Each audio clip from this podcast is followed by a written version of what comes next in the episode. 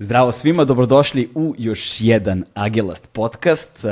Ogromno mi je zadovoljstvo da vam predstavim današnju epizodu, ali pre nego što to uradimo, samo da odradim moj ovaj formalni deo. Pre svega želim puno se zahvalim našim dragim sponzorima iz Red Bulla, kao i uvek hvala vam puno na podršci koju nam pružate sve ovo vreme. Također želim da se zahvalim našim partnerima iz Volta. U pitanju je, kao što znate, sajt za kućnu dostavu. Napravite profil na Voltu, iskoristite promo kod Agelast, dakle sa imenom našeg podcasta i ostvarujete 400 dinara prilikom prve poručbine, što za poručivanje hrane ili čega god drugog zaista nije loš od sada tamo imate i opciju za drink store, tako da možete poručujete i samo piće ukoliko vas to zanima. Pored toga imate sile neke druge potrepštine od kućne hemije, pijaca i tako dalje. U ovo vreme pandemije zaista korisna stvar i njihova bezkontaktna dostava, dakle sve vam ostaju na vratima. Dakle, Volt, napravite profil, 400 dinara popusta prilikom prve poručbine sa promo kodom našeg podcasta Agelast. To je što se tiče e, naših partnera. E, također želim da se zahvalim svima koji nas podržavaju mesečnim pretplatama preko Patreona. Ukoliko ste zainteresovani da nas podržite na taj način, link je u opisu ovog podcasta gde god da nas slušate ili gledate. također želim da se zahvalim svima koji nam dajete jednokratne e, uplate preko Paypala. Link za to je također u opisu podcasta. I to je za sada to. Ovaj, e sada pređemo na mog gosta. Moj a, eh, sledeći gost je pre svega dragi prijatelj i mogu slobodno kažem legenda kada je u pitanju hip-hop kultura, ne samo eh, na prostoru Bosne i Hercegovine i Hrvatske, već i na prostoru celokopne bivše Jugoslavije, u Srbiji je takođe ogromna zvezda, već godinama unazad. Ja se sećam sa pripučao za njega da li je to sa albumom Slušaj mater, ja mislim da je to prvi album tamo negde 2002. godine, čini mi se, a, njegovo ime je Edin Osmić, poznati daleko više kao Edo Majka. Gde si, Edo, legendo? Evo me, brate, navikavam se na intervjue preko Zuma. Uvijek mi treba malo da počnem, znaš ono. Da, da, imaš fakat najbolji podcast koji sam vidio na našim govornim područjima, e. ono, super. Hvala ti puno, kuća. Ako možeš samo malo da približiš mikrofon sebi nekako. Ovaj, to bi Šta, bilo idealno. Ne se snalaziti još s tim. Evo ga. Je li ovo nekako Samo bolje? Da. bolje? Da, da, da bolje, malo, je, malo je bolje, da, pošto ti dinamički mikrofoni, nažalost, moraš da govoriš direktno u njih da bi bio idealan zvuk. Znam, brate, znam samo, znaš. znaš nisu baš kao i kondenzatorski, a i u suprotnom hvata puno prostorije. Ovaj, najzad smo se ukačili, jebote, ali možda veruješ. E, trajalo, oprosti, stvarno oprosti, ono. Ali A znaš kako je, djeca, žena, korona, Bolesti, ne bolesti, prijatelji i neprijatelji, bla, bla, bla, bla, bla. Sve Uglavnom, jasno, jako mi je drago i... Sorry, jebi ga. Sorry što do sad nismo to Nema veze, ma ne, ne, ne, ne, ne, slučajno, pazi, ovaj, mesecima, za, za ljude koji nas slušaju, koji nas gledaju, oni nemaju pojma da, zapravo što se dešavalo, mesecima unazad nas dvojica zapravo pokušamo se dogovorimo, ali ova pandemi, pandemija, deca, porodični životi, drugi obaveze, ono, tebi svako malo, ovo, za, deca su u karantinu zbog toga što se neko u školi razboleo. Da, da. Znaš, i onda I, znaš šta, ovo sa djecom je fakat ono teško, mislim, Pogotovo sad što se tiče covid znaš, ono, neki dan imaju školu, jedan dan nemaju školu, jedan dan su na, na internetu, gledaju preko interneta, slab fokus djece, tako da smo mi u biti roditelji ono i odgajatelji mhm. i roditelji koji dajemo ljubav i oni koji kažnjavaju, razumiješ, i učitelji, znaš, ono, i sve to. I onda mi djete zbunjeno je, znaš, ono. jedan moment ima, ono, znaš, dobro, tata, šta sad, znaš, ono, zašto se sad ljudi na mene? Pa reko, piši to, zadaću, moraš je napisati, znaš, ono, onda nakon pet minuta se igramo s lutkicama sa tim LOL-ovima i glupostima, ono. Koliko ti deca imaju? meni ti mala ima devet godina, mhm. ili ti u drugi razred, a ova starija iz prvog braka od supruge, ona ti ima 22 godine. Da, da, da, da. I ja sam u biti u njenom životu od kada je ona imala devet godina. Tako da sam ja već prošao to neko očinstvo što se tiče tineđerstva, znaš ono. Da, da, da, da. To će biti jako zajebano, pogotovo sad, onaj, pogotovo sad sa... kako se tineđerstvo preživi, čoveč? To ti je jako zajebano, znaš ono, imaju po 15-16 godina, pogledaš ih, what I did now, why, are you looking at me like this, znaš, tineđeri su, ne znam kako će to preživiti, znaš ono. Mislim, ja sam ti roditelj koji podilazi djeci, znaš ono, i daje im svu ljubav, bezuvjetnu i sve to i malo sam donji tu i mislim da bi trebao učiti od nekih ljudi neke mm. stvari. Znaš, postoji krajnosti u svemu, treba imati nekakav balans, ono, znaš. Ali opet mislim da je bolje to imat nego, biti roditelj ono naš koji će se dijete bojati. Da, da, da. Ne želim da mi se dijete boji, bez afrikancije. Znači, želim da kad mi dijete ima problem, da dođe meni, ono, znaš. Mm. Da mi kaže, gledaj tata, bojim se, ono, gledaj tata, napravio sam to i to, znaš. Znaš kako, za, ja isto, ja isto tako razmišljam kada posmatramo okolnosti u kojima smo mi odrastali, kako su izgledale zemlje i zemlja ovaj, u kojoj smo mi odrastali svoje vremeno i šta nam se sve u, na tom putu izdešavalo i u tim godinama baš je bilo ono, znaš, veliki broj naših prijatelja, veliki broj ljudi u našoj generaciji, ne samo u našoj generaciji, u brojnim generacijama na ovim prostorima, baš zbog te nemaštine, zbog tih socioekonomskih faktora, zbog loših međuljudskih odnosa, zbog ovoga, zbog onoga, odrastaju sa nedostatkom samopouzdanja. Ove... Ovaj, Gle, e, stvari koje mi znamo, da. znaš, ono, ono kako smo mi odrasli, ne znači sad ništa. Znači, mi jednostavno nemamo alate s kojima možemo naše dijete odgajati u ovom svijetu. evo Mislim, ja da sam imao uređaj na kojem sam na netu cijeli dan, na kojem imam igrice, na kojem je sve na dodir. Stari, ja ne znam da li bi ja školu ikad završio. Ono. Ikad. Znači, bez Afrikanci, iskreno ti kažem. I sad, ja sam to primijetio prvo kod sebe kad sam u biti s ovom e, pokčerkom Smaji, kad je ona imala, ne znam, 13 godina, 14 godina, kad sam bio u Izraelu, znaš, ono tek došao. Ja mhm. sam odgajan sa ono, znaš, čisti za sobom. Mrvice plaču. znaš, ono, nemoj mrvicu imat za sobom. Znaš, ono, jednostavno sam ubio dijete s nekim stvarima koji u biti u njenoj realnosti, u sadašnjoj realnosti nemaju veze s vezom. Razumiješ? Da. Znači, totalno su neiskorištive. Totalno. I onda sam u biti vidio u jednom trenutku koliko sam ja u, u banani, ono, znaš, koliko sam loš. Znaš, ono, namećujem djetetu. Mi, mislim, mi, mi Balkanci inače imamo u našem mentalitetu to nametanje. Znaš, ono, šuti, bit će ovako, moraš to tako, to ne funkcionira. To je loše. Znaš, ono, imamo, okruženi smo ljudima koji osuđuju. Znači, mi rejzamo, ono, uzdižemo djecu Odgajamo mhm. djecu koja će biti osuđivači, razumiješ? Koji će biti, no, no, no, no, no, ne smiješ to raditi, ne smiješ ovo, ne smiješ ono, gubit će vrijeme na nebitne stvari, onako kako mi gubimo nekad vrijeme na nebitne stvari, kako su roditelji na gubili nebitne, vrijeme na nebitne stvari. Tako da, ovaj, najbolji savjet što se tiče toga mi je dao jedan lik u Izraelu, jedan staranja, ono, iz holokausta je lik, znaš, ono, ja mu znam sina. Mhm. I sin mu je dosta sjeban.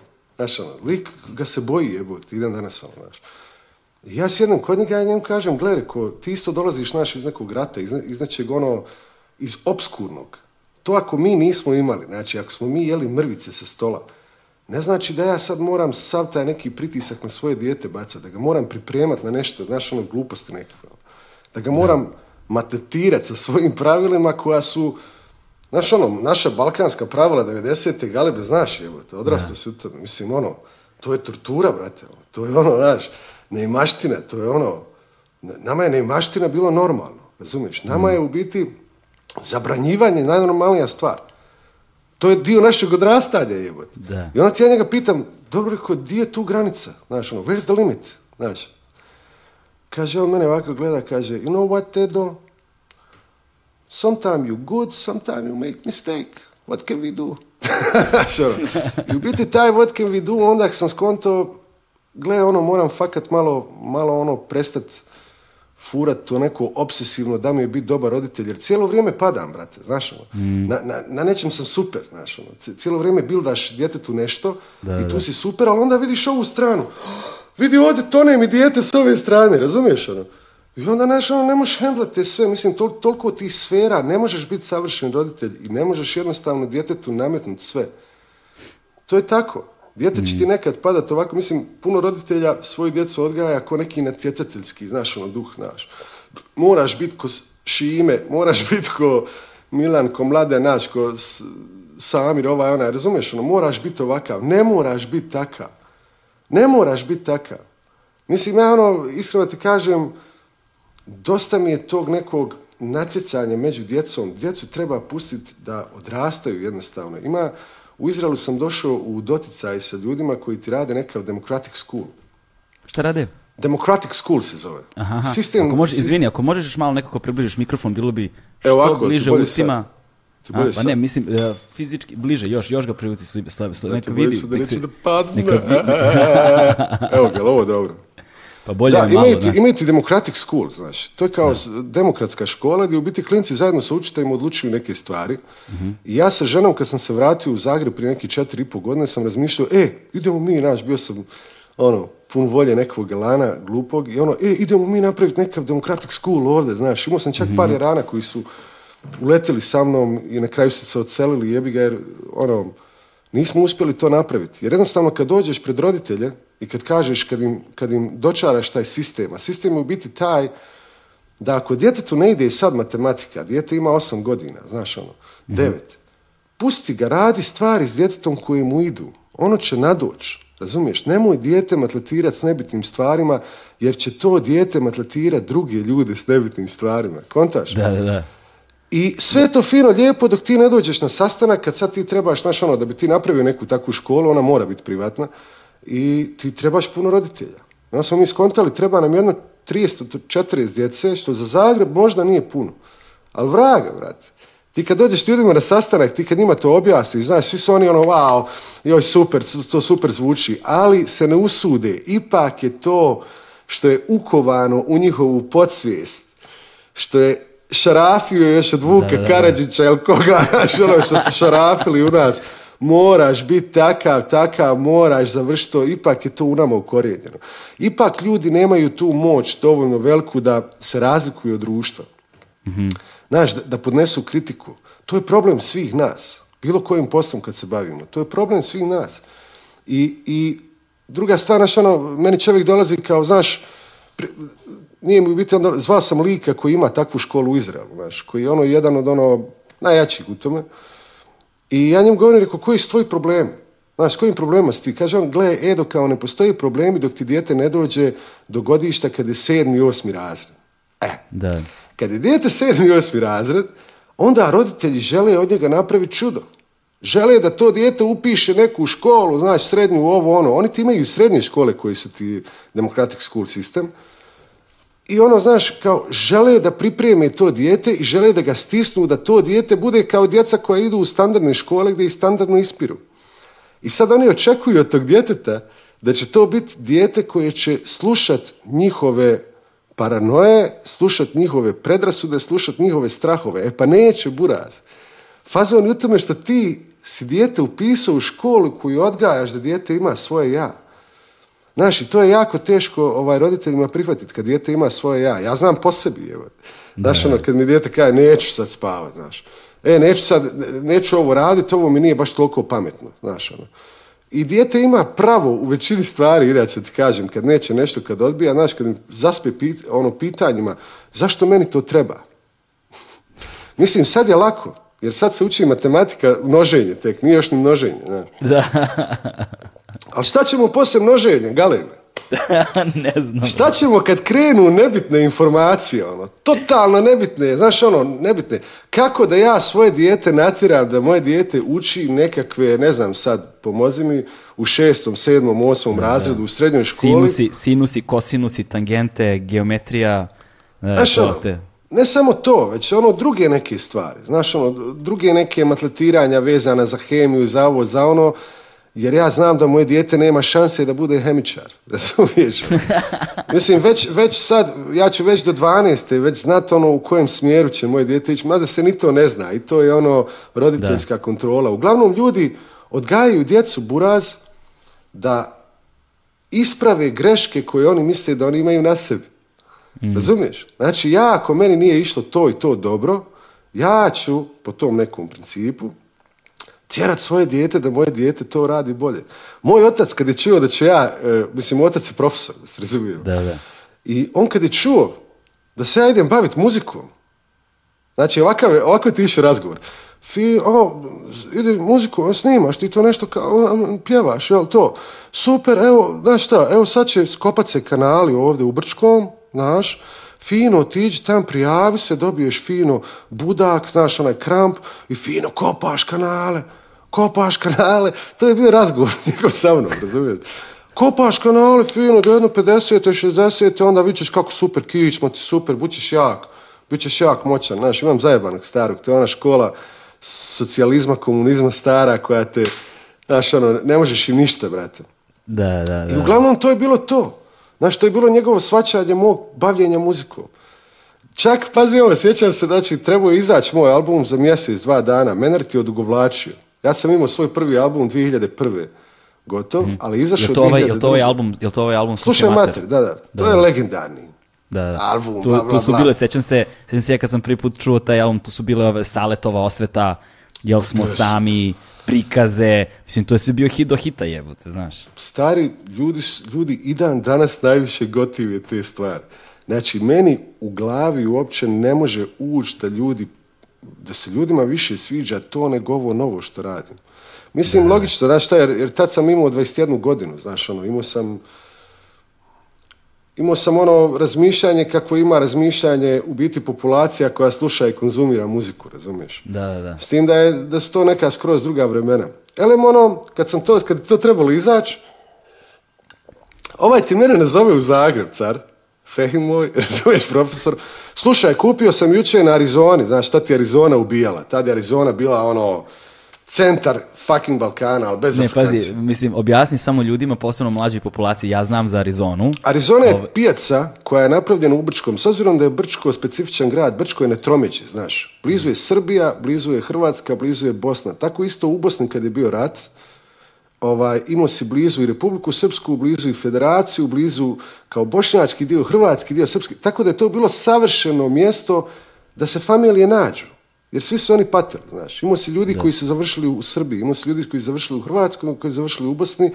I sad kad se to počelo smirivati, ono, kad je Dayton potpisivan, tamo su svi ljudi dolazili da plaču.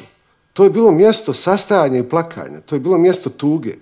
I kako je bilo mjesto tuge, sastajanja i plakanja, normalno prvi Bosanac je došao i idem tu vaparu otvoriti, idem ovdje kafana, ovdje kafana, znači pevaljke tu, tu ražan, tu ražan, prašina pada, nema veze, daj nam deset, nek se okreće, nek se vrti i to je u biti postao najveći ono tržno ugostiteljski centar na Balkanu. I to ja sam bio prisutan jednom, znači išao sam hodat okolo, Buraz mi ostao na jednom mjestu, lik je kupio kamion nečega. Bilo, bilo je kamion nečega. Pazi, kamion šleper. Nečega, razumiješ? Što je kupio recimo po e, dvije marke komad i uzeo je to i povisio je, nije ništa se micalo, tip je sjedio, znači popio je pivo, otvarao je pivo i samo je podigao cijenu za 2,20 po komadu. I lik je to prodao i zaradio je fucking kuću. Znači, tako su ljudi radili. To su bili, to je nevjerovatno bilo. Ono. I uglavnom, ovaj, mene stari zove i kaže, slušaj, bio sam na Arizoni, znaš, kupio sam ti CD, ubijat CD. ubijat, znači ono bilo je konstantno prcanje, jer ono jednostavno dolazi iz sistema u kojem je nemoguće da ćeš ti uspjeti ako ne završiš školu s kojom je on bio mučen, razumiješ? Kod nas, mislim, nije to samo kod nas, to ti je generalno, skužio sam globalno. To ti je ono, ako ja sam morao nešto, morat ćeš i ti svedeti tvoje, naše ono, da, razumiješ? To se vidi najbolje u religiji ili u vojsci. Ja nisam nikad bio u vojsci, nikad nisam bio, znači ono, izbjegavao sam rekrutaciju. mene je stari negovarao da idem, da to odradim, znaš ono, jel se to spustilo tamo bilo na jedno šest mjeseci, rekao stari, nema fucking šanse da ja idem. I godinu dana nakon toga mi svi koji smo iz Brčkog distrikta, smo mhm. oslobođeni vojne obveze. Tako da sam uspio ovaj, da završim nekako, da, da, da ne završim vojsku, da ne odem u vojsku, da ne odem u to fucking mučenje, znaš. Ali ovaj, eto, to, ovaj, tako ide otprilike, znači ono, nametanje, nametanje, nametanje. Ako si ti morao da patiš, moram i ja da patim, razumiješ? To se sve događa, ja mislim, dok ne dobijemo dijete. Oprosti što te prekidam, ne, želim biti cane. ne želim biti cane, samo napred, samo napred. Ovaj, ja se sećam, mislim, sad van, van, van te teme, ono, je, kada je 90-ih ono hip hop te rastao kao kao kao ovaj kultura e, ljudima je posebno mladima danas je teško mladima da razumeju koliki je to zapravo underground bio da. Ovaj, biti reper ono 95. nije bila komercijalna stvar, nije bilo puno ljudi koji, uopšte koji su to uopšte razumeli kad govorimo o opštoj populaciji. Da. Ovaj, I sećam se u to vreme, uh, eh, Trem Eleven iz Hrvatske nam je bio strahovit uticaj. Ono. To je ah. bila jedna od redkih stvari koje smo mi ovde u Srbiji, van, van granica Srbije, slušali na takozvanom našem jeziku, koja nam je bila super. Taj Trem Eleven ono, je bio, bio ludilo. I ovaj, ali onda je krajem 90-ih, početkom 2000-ih počela ta smena generacija, ta neka nova generacija klinaca da proizvodi svoje i došlo je do hiperprodukcije, došlo, došlo, do, došlo do, do, do, do, rasta produkcije koji je stvorio nekako žarište kulture unutar ovde, kao našu srbiju odjednom se više nismo toliko okretali sa strane, nego smo bili okrenuti prema sebi i onda se tu, baš u tom periodu 2002. čini mi se 2003. godine, pojavljuje, uh, pojavljuje neki lik iz, iz Bosne znači ja mislim da nikada do tog trenutka mi nismo čuli za repera iz BiH, ovaj, odnosno da je, da ime nekog repera iz BiH pre, izašlo van granica ovaj, BiH, neki lik iz Brčko kao Edo Majka i to su bili ovi, da li je bila Saletova osveta ili... Da, da, prvi album, to je bio baš taj Slušaj mater. Da, Znaš šta da, ću ti prvo reći, ja nisam došao iz hip-hopa, Ja sam ti 90. tu po Zagrebu se družio s pankerima, sa korašima, ono, s ljudima, ali obožavao sam hip-hop. Obožavao sam, znači hip, hip hop je toliko dobar, on toliko toga nudi. Ljudi, ovo sad, ovo sad je sve naš ono zdravo za gotovo, ali hip hop ti nudi da u tako malom roku kažeš toliko puno toga. I to je mm. nevjerovatno. Znači, možeš toliko toga reći u tako, u tako malom formatu, razumiješ? Druga stvar, nisam znao pjevat. Ne znaš pjevat, ne znaš ovo, ne znaš ono, tako da ti je rep ako voliš muziku bio super. Pa, pazi, ali, moraš da ima, ali moraš da imaš sluha. To, je, to, je, to moraš, to je definitivno. ja sam imao, kažem ti, tu sreću da sam u biti, eh, nakon što nisam mogao nastaviti studirati u Zagrebu, negdje 98. kad sam završio srednju školu, išao sam studirati u Tuzlu 99. I onda sam upao u super jednu ekipu i napravili smo band koji se zvao Defense, obrana 99. I to je bilo ludilo mene. To je bilo ono naše konačno ja mogu, znaš ono, i, i u biti kad si iskaljan kao MC, iskaljen, pardon, mhm. nije iskaljan, iskaljen, kad se kališ kao MC u bendu, gdje se moraš nadmetat sa gitarom i basom, onda ti je to, brate, ko da si, ne znam, ne znam s kakvom školom, ne znam s kakvim fitness programom došao među ono klince, razumiješ? Tako da sam ja imao output uvježban zahvaljujući u biti defensu. Jer sam ja ono, mi smo nastupali, nismo mi sad nešto previše nastupali, ali si tu morao, buraz. Dama, dama, nije tu bilo e, e, naš standardnog nekog rap fola, već si morao fakat se derat, morao si nadjačat ljude oko sebe, morao si nadjačat fucking bubanj koji je iza tebe, Nemaš tu koga da te smanji, ako se ne čuješ, budi glasniji. to je bilo to, razumiješ? Tako da sam u biti tu imao neku, ono, naš, e, tu sam se kalio, znaš, ono, imao sam neke predispozicije i onda se sjećam da sam e, pokušavao na razno razne načine, znaš, bio sam na nekim natjecanjima freestyle, obožavao sam ti freestyle na početku. Ono. Mislim, to igranje s riječima, tebi u hip-hopu biti ne može biti dosadno. Ti se igraš cijelo vrijeme riječima, ti cijelo vrijeme pokušavaš nešto, samo što tad nije bilo betlanje meni se battle u biti ne sviđa. Tad je bilo za jebancije, ako se sjećaš.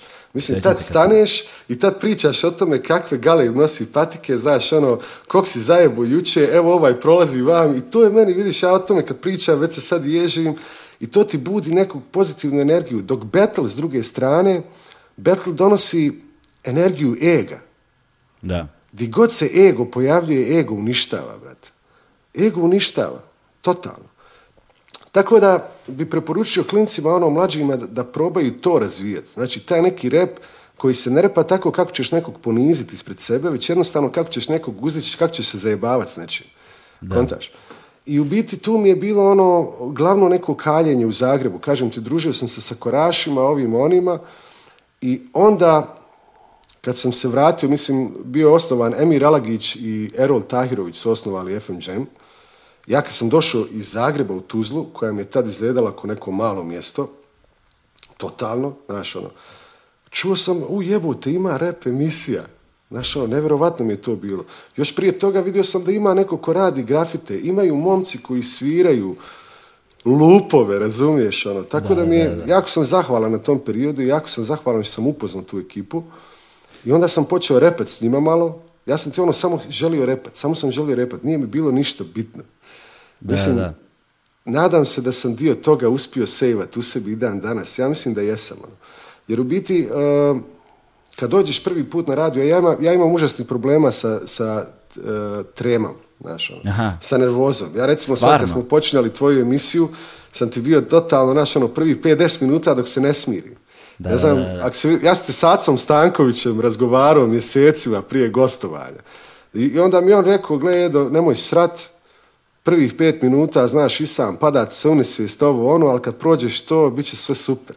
Tako da, ovaj, to sam imao i kad sam repo, znaš, ono, prije, ono, naš, Emir pusti bit, ja sam ti samo freestyle samo sam repo, samo sam htio da više ljudi to čuje, da još više ljudi privuče se i mhm. privuklo se. Napravila se neka, ono, naš, ono, došao je, ne znam, mladi Frenki iz Njemačke se tek vratio, mladi Kuba odavde, Hamas odavde, znaš, ono, skupilo se neka količina ljudi i svi smo zajedno počeli klimat i repati šta ti ja znam, kontaš. Tako da kad sam se vratio u Zagreb, a vratio sam, išao sam studirat, moram ti ovo reći, upisao sam zbog oca koji je ono mašinski, profesor mašinstva, jevi ga i toga svega. To je tako standardna priča, si mašinstvo upisao? Upisao mašinstvo, vrati. Jer sam, znaš šta, ovdje sam završio ovaj, strojarsku, to jest mašinsku srednju školu. Znao sam sve. Buras, bio sam car, Znači, ja sam ti znao raditi eh, na nekim programima AutoCAD, sam ja tad učio u srednjoj školi. Onda kad sam došao u Bosnu i kad je profesor rekao na fakultetu, dobili smo neki AutoCAD, znaš, ono. Tako da, pisao sam to, ali sam išao i sa zdravim razumom. Razmišljao sam o tome kako ću ja preživjeti ako ja ostanem u Bosni. I onda sam upisao s obzirom da je Brčko carinska zona. Brčko je fakat ono jaka carinska zona upisao sam kriminalistiku, kontaš. I u to vrijeme mi je bilo u glavi, jo, ja radim grafit, dolazi drot, ja mu kažem, mrš, neke gluposti, ono, dječje budalaštenje, ono. I uglavnom sam vrlo brzo napustio to jedno i drugo, nisam se slagao sa uh, puno profesora. Mašinstvo jednostavno nisam bio dovoljno pedantan da bi mogao završiti mašinstvo, bio sam ti dosta onako... Ne, nisam znao, nisam znao to napraviti. Volio sam, ja sam inače bio štreber. Da, to govorim bez, bez ikakvog ovaj, omalovažavanja. Ja, ja sam ti volio školu, kontaš. Ja sam ti mm. volio učiti. Ja sam ti bio lud za formulama, za ono. A e, kriminalistika mi se nije svidjela zbog puno nekih drugih razloga. Znaš, tam sam se kačio s profesorima istorije, s profesorima ovim, orogi. Ono. Da, da. I uglavnom sam se vratio u Zagreb. Mhm. I kad sam se vratio u Zagreb, onda sam rekao, ok, sad fakat želim neki demo napraviti i prvo sam se e, našao sa šatom, onda sam, mu donio dosta neki CD-ova, rekao mu daj mi ovo otkini odavde, ovo odavde, ovo odavde, znaš sve to nešto. I onda smo napravili Mahira i Almu i napravili smo minimalni rizik i to je bila emisija, zvala se Blackout Demo, znaš. Tad su oni već postojali svi, mislim, ono, znaš, imao, si TBF, ja ste bio lud za tbf u a purgeri su malo bili, znaš, kontra TBF-a, to su bile uvijek te neke, znaš, ono, dječje fore, ono, kontra Splita, znaš, ovi u Zagrebu su imali blackout i u blackoutu su već imao razvijene i Trema Leven koji su ubijali. Mislim, ovdje kada je izletilo da ti kompa bude Mažuranić, Frenc, Stjepa radi, to kada je izletilo tu, Buraz, znači, ja, ja to sam vidio na televiziji, ono, to je to, brate, idemo. Razumiješ? Da, Ide, to je to, ja želim ovo, ovo je to što ja želim, razumiješ? Onda su bolesna braća izletila, neredi stoka, isto su jako prije toga izletili sa spremni na rat i ovo ono. Elemental izletio, u biti ja sam se prvo skompo s elementalovcima, s njima sam bio pravo dobar i malo pomalo sam ono dobio sam ponude kad se prvi put zavrtili znači Mahir i Alma minimalni rizik na radiju 101 mhm. koji je jako bitan u cijeloj toj priči. E, dobio sam odmah ponude za izdavanje albuma, ali dobio sam ponude od pogrešnih ljudi. Znaš, ono, nisam htio izdavati za njih, ja sam htio Menart jer su svi u Menartu. Ono. Mhm. I kad sam došao u Menart, tresao sam se, brate, išao sam na prvi razgovor, morao sam repat pred ljudima koje ne poznam, znaš, ono, pred njih jedno, četiri, pet. Žena koja će mi postati menadžerica je upravo bila prekinula sa svojim dečkom koji je bio neki idiot bosanac isto, i došao sam ono, znaš, na noć jebo, daš, da, šta ti misliš, ko si ti, znaš, ovaj dolazi drugi i govori meni, znaš, Rambo Amadeus ti ne prolazi ovdje. Gle, reko, Rambo je meni uzor, znaš, ono, reko, ovo nije, reko, Rambo Amadeus, ovo nije, znaš.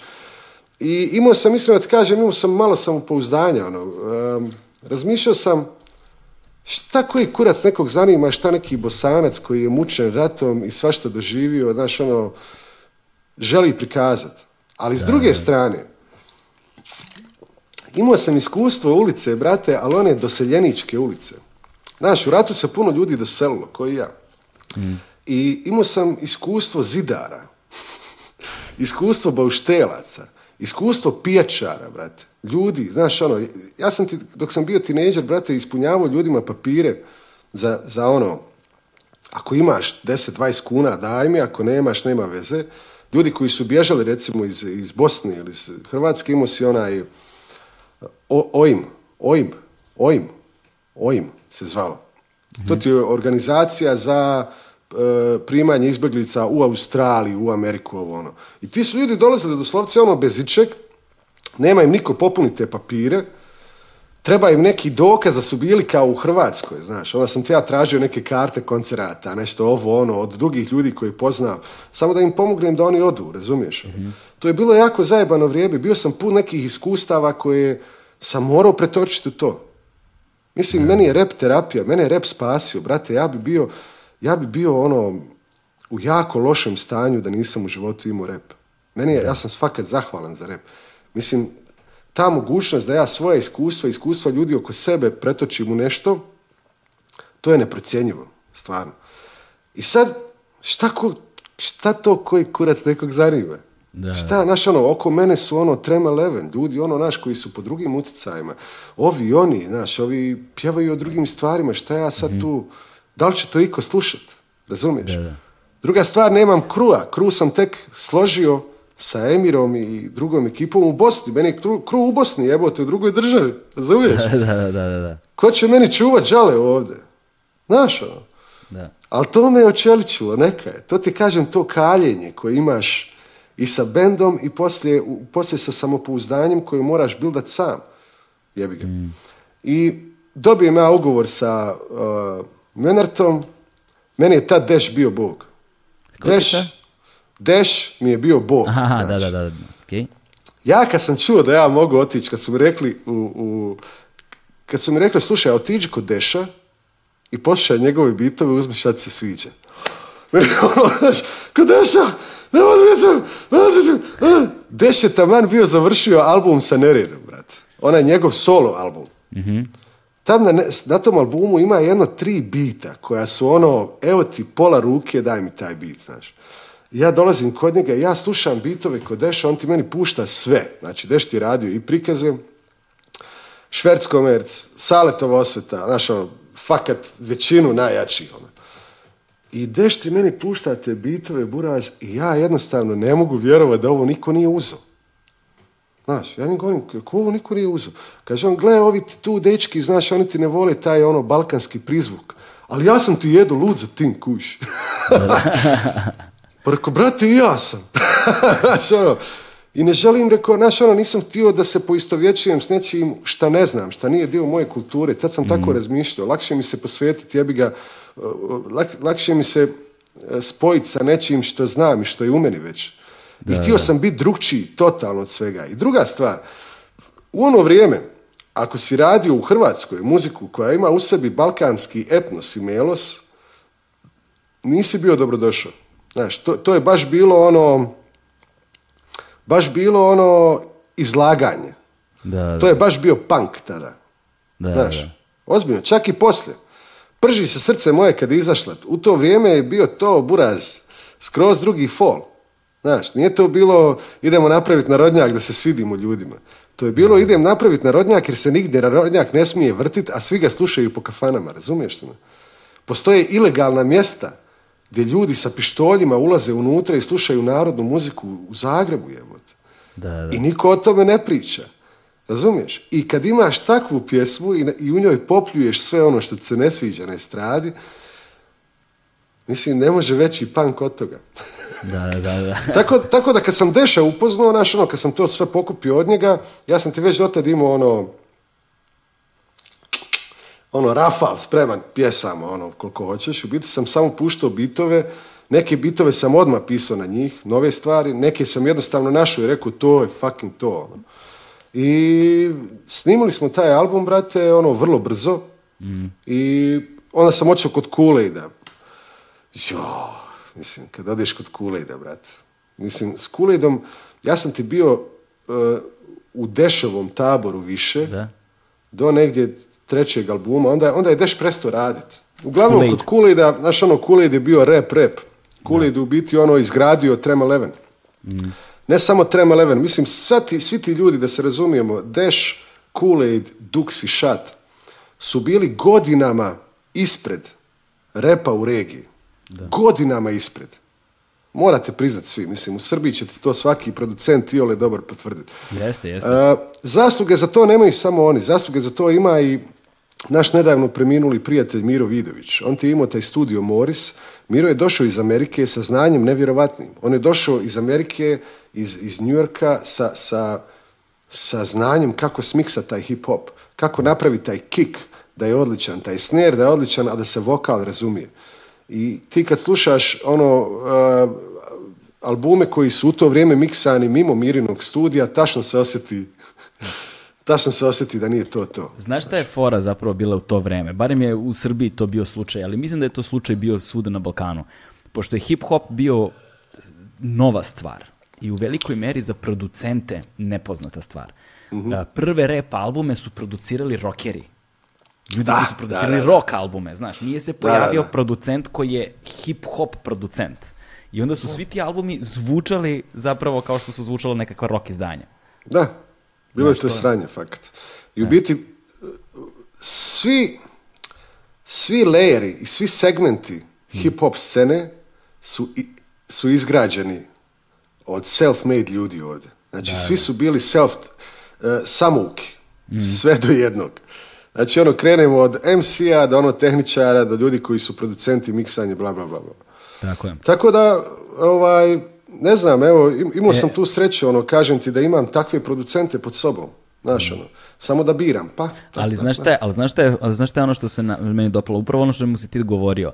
Tebe je pekla ta ono balkanska stvar, znaš, od, od, posljedica rata, od međuljudskih odnosa, od ti si to nosio zapravo u sebi i ono što je, mislim što ti veoma dobro znaš, to vjerojatno i dobar deo publike znali, moramo da pomenemo.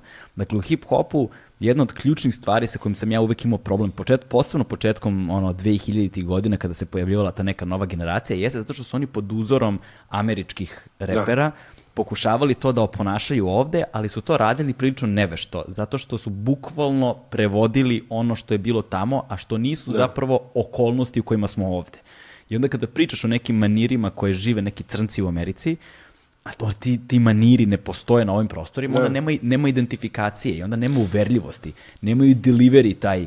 Ti si imao taj delivery gde šta god da si pričao, ja sam ti verovao. Razumeš? Verujem ti u to što govoriš ja mislim da je zasluga zato isto što je bila što se ja fakat nisam družio s reperima. Ja, da, ja da sam se družio s reperima, ja bi možda naš ono htio njih zadovoljiti, naš ono, da, da. E, e znam ja tako, uh, uh, naš neki fazoni, ali ono, ja sjećam, mislim, samo ide ime Edo Majka, ljudi koji bi, sjećam se jednog lika koji mi je priznao, bio ti je prodavač CD-ova, da kad je došao album Edo Majka, by the way, na kaveru tog albuma, slušaj, mater ti je moja nena, moja baka, moja baba, Behija, koja je umrla prije rata, znaš. Mm. I to je u biti jedina slika koju sam ja predratnu, prije ratnu imao sa sobom u tom izbjeglištvu. Mhm. Nekako sam je zadržao, do, uzeo sam je odnekle, ukro sam je od stare, ne, nešto se desilo.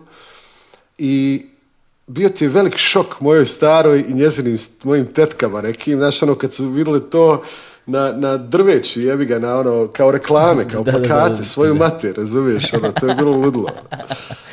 Ove, ovaj, znam, a, kako, a, kako, a kako Edo Majka u stvari? Pa Edo Majka, znaš šta, dok sam studirao to u Tuzli 98. Mm -hmm. 99. Uh, skontao sam da ima ta izraz Majka, Jesse Majka, e, Pjanko Majka, mhm. Majka, dobar Majka, to ti nešto kao ono prika u Dalmaciji, ko od kod vas, ne znam šta kod vas Brate ima. možda, da. Sad te neće. Brate, možda brate, kao kod nas brate. Da. nije, majka je više od brate, majka je drugčiji od brate. Majka je čovjek koji će ti pomoć kad ti treba pomoć. Majka je i naivan. Mislim, osjeća se moja naivnost. Ja sam inače jako naivan kao osoba. jako, što sam tek skonto sa ogromnim dilejom. Ja ti imam tih dilejeva kod sebe. Mislim, ja kad sam kretuo sad s tim, svim, prva stvar to je buknulo. Mm. Buraz, moraš znati da sam ja bio u šoku. Znači, ja sam ti od, od žicanja kune na klupici da imamo za pivo, došao na nominaciju za album godine. Na u, periodu, u periodu od? U periodu, to je 2000, u periodu od ono ništa, bura, znači ništa, ja sam imao band, znači bio sam član Defensa, putovao sam iz Zagreba na neke probe i onda sam jednostavno odjebo to jer sam skonto da nemam ovaj, mhm. ono, nismo mogli, nije bilo mi ozbiljno to. Ja sam gorio, buraz. Ja sam bio pun ko šipak. Ja, meni, meni nije bilo bitno. Ja sam samo htio da, da bacam. Razumiješ? I ovaj... To ti je bilo ono u periodu od par mjeseci, brate. Znači, meni ja sam čekao toliko da izađe taj album. Mi smo ti, kažem ti, 2001. već imali spreman album. Mhm. Ja sam ti utuzli na partijima koje je radio DJ Soul, to su oni legendarni prvi Unity partiji. Ja sam repo te stvari. Ljudi su već znali pojedine tekstove. Da, da, Razumiješ? I to je izašlo, znači, dvije i druge u Zagrebu i to kad je izašlo, izašlo je na ljeto, na najgore moguće vrijeme. I ja sam čekao, čekao, kad će recenzije, i izlaze recenzije i recenzije, kad sam vidio, bilo mi je tumač odmah, ono. Odmah mi je bilo u startu tumačer. Ono, znaš, ono, dobijaš pet zvjezdica. Moram ti priznat da većina prijatelja koji sam, prijatelja koje sam imao na, sceni u Zagrebu se počelo udaljavati od mene. Stvarno? Bez Znači, velik broj njih Velik broj. Jednostavno je teško. Teško bilo podnijeti to da... druga stvar, e, ti reperi, s obzirom da se mi nismo družili, oni su mislili da sam ja sad došao u Zagreb. A uje. Razumiješ? E, ja sam već ono, znaš, znao sve old school writere tu, sve ono koraše, sve pankere nekakve. ja sam već tu bio prisutan, tako da sam ja bio u odličnoj poziciji. To je ona pozicija kad znam sve o vama, a vi ne znate ništa o meni, razumiješ? to je, i, to je malo teže objasniti u današnje vreme sa tim da, savremenim tehnologijama o kojima se govorio na početku, da ti je sve na dodir, ono, daleko. Danas te stilsko-tipološke odrednice i žanrovske odrednice zapravo više ne postoje, znaš. A, a, nekada ljudima je teško to, posebno mlađoj generaciji, te, malo je teže objasniti, nisu se međusobno družili. Reperi su bili reperi, ljudi koji slušali elektronsku muziku su bili odvojeni, ljudi koji slušali metal su bili odvojeni, hardcore punk, hardcore punk nisu, se nije družio sa ko metal, ono, praktično, svi su bili i držao si se svoga, oblačio si se tako, ono, izlazio si na ta mesta i kao mogu si da živiš paralelne univerzume da se nikada ne sretnete. Da. Jer, uh, ovaj... Meni je to tako glupo bilo, zar nije bilo glupo? To? Pa potpuno glupo. Znači, znači, ono, meni kao čovjeku koji volim i atomsko sklonište, razumiješ, i Azru, i volim KRS-a, i volim dead metal, i punk, i Nirvanu, i da. grunge, znaš, ono, meni je to bilo, what the fuck jebote, šta vam je svima, znaš? Da, da, da. Mogu si bre batine da dobiješ ako nisi izgledao na određeni način i ukoliko nisi bio ono uh, iniciran u ekipu da. gde si blejao, znaš. A, ovaj, ali sad, dve, dve, dve, stvari me samo zanimaju prema što nastavimo dalje. Prva je, ovaj, rekao si mi da si u Menard morao da dođeš tamo i da repuješ ovaj, pred ljudima koje ne poznaješ. Čekaj, u kancelariji kao sedite za stolom, molim u te, U kancelariji, Bura, znači jako deša biram bitove, deš uzima bitove i deš meni odmah govori, Edo, to je to. Znači, ono, deš je bio lud. Idemo, idemo u Menart. Idemo, moram, vodim te u Menart, idemo u Menart. Dolazimo mi u Menart, ja sad ulazim unutra, ja dok sam vidio, pazi, to su ljudi ovako, znači. Mm. Da. Da, šta bi ti repo malo. Mhm. Znaš, ono, odmiravajte. To je ono izlaganje, buraz. Da, da, da. Razumiješ? Ja izađem iznutra, odem, bila neka kafana, popijem pivo, vratim se nazad. Nakon pola piva, da. Dobro, ajde, ajde da vidimo. Ja sad pustim play na dešav CD, ono, mhm. sprženih bitova. Tu sam ti imao prikaze spržene, imao sam ti saletovu osvetu sprženu, imao sam ti... Imao sam dosta toga, brate. mm i ja krenem repet. Niko me ne jebe, znači četvoro ljudi je oko mene u nekoj sobi koje ja ne poznam, prvi put ih vidim, gledaju me ispod oka, malo s podsmijehom, malo ne s podsmijehom i ja tu derem, razumiješ? Srećom jedna od tih ljudi je bila žena koja se zvala Maja Novak. Ta Maja Novak je brzo otišla iz Menarta, ali Maja Novak je u biti dovela sve i jednog bitnog izvođača repa u Menartonu imala je razumijevanje za to nevjerovatno. Ono. Da, da. I njoj sam se svidio, to mi je bilo najbitnije. I ovaj je rekao, ajde dobro, odi ti, znaš, ono, eto, odi i druge bitove, uzmi malo, pa probaj ti to nešto snimit, pa ovo, pa ono. Tako da evo, brez, ono, mislim, e, mora sam to promijeniti. morao sam to pobijediti, pardon, taj, taj, taj, neki strah, ono, znaš. Mm. Ali to je, to moraš. To, to, je konstantno putovanje zapravo.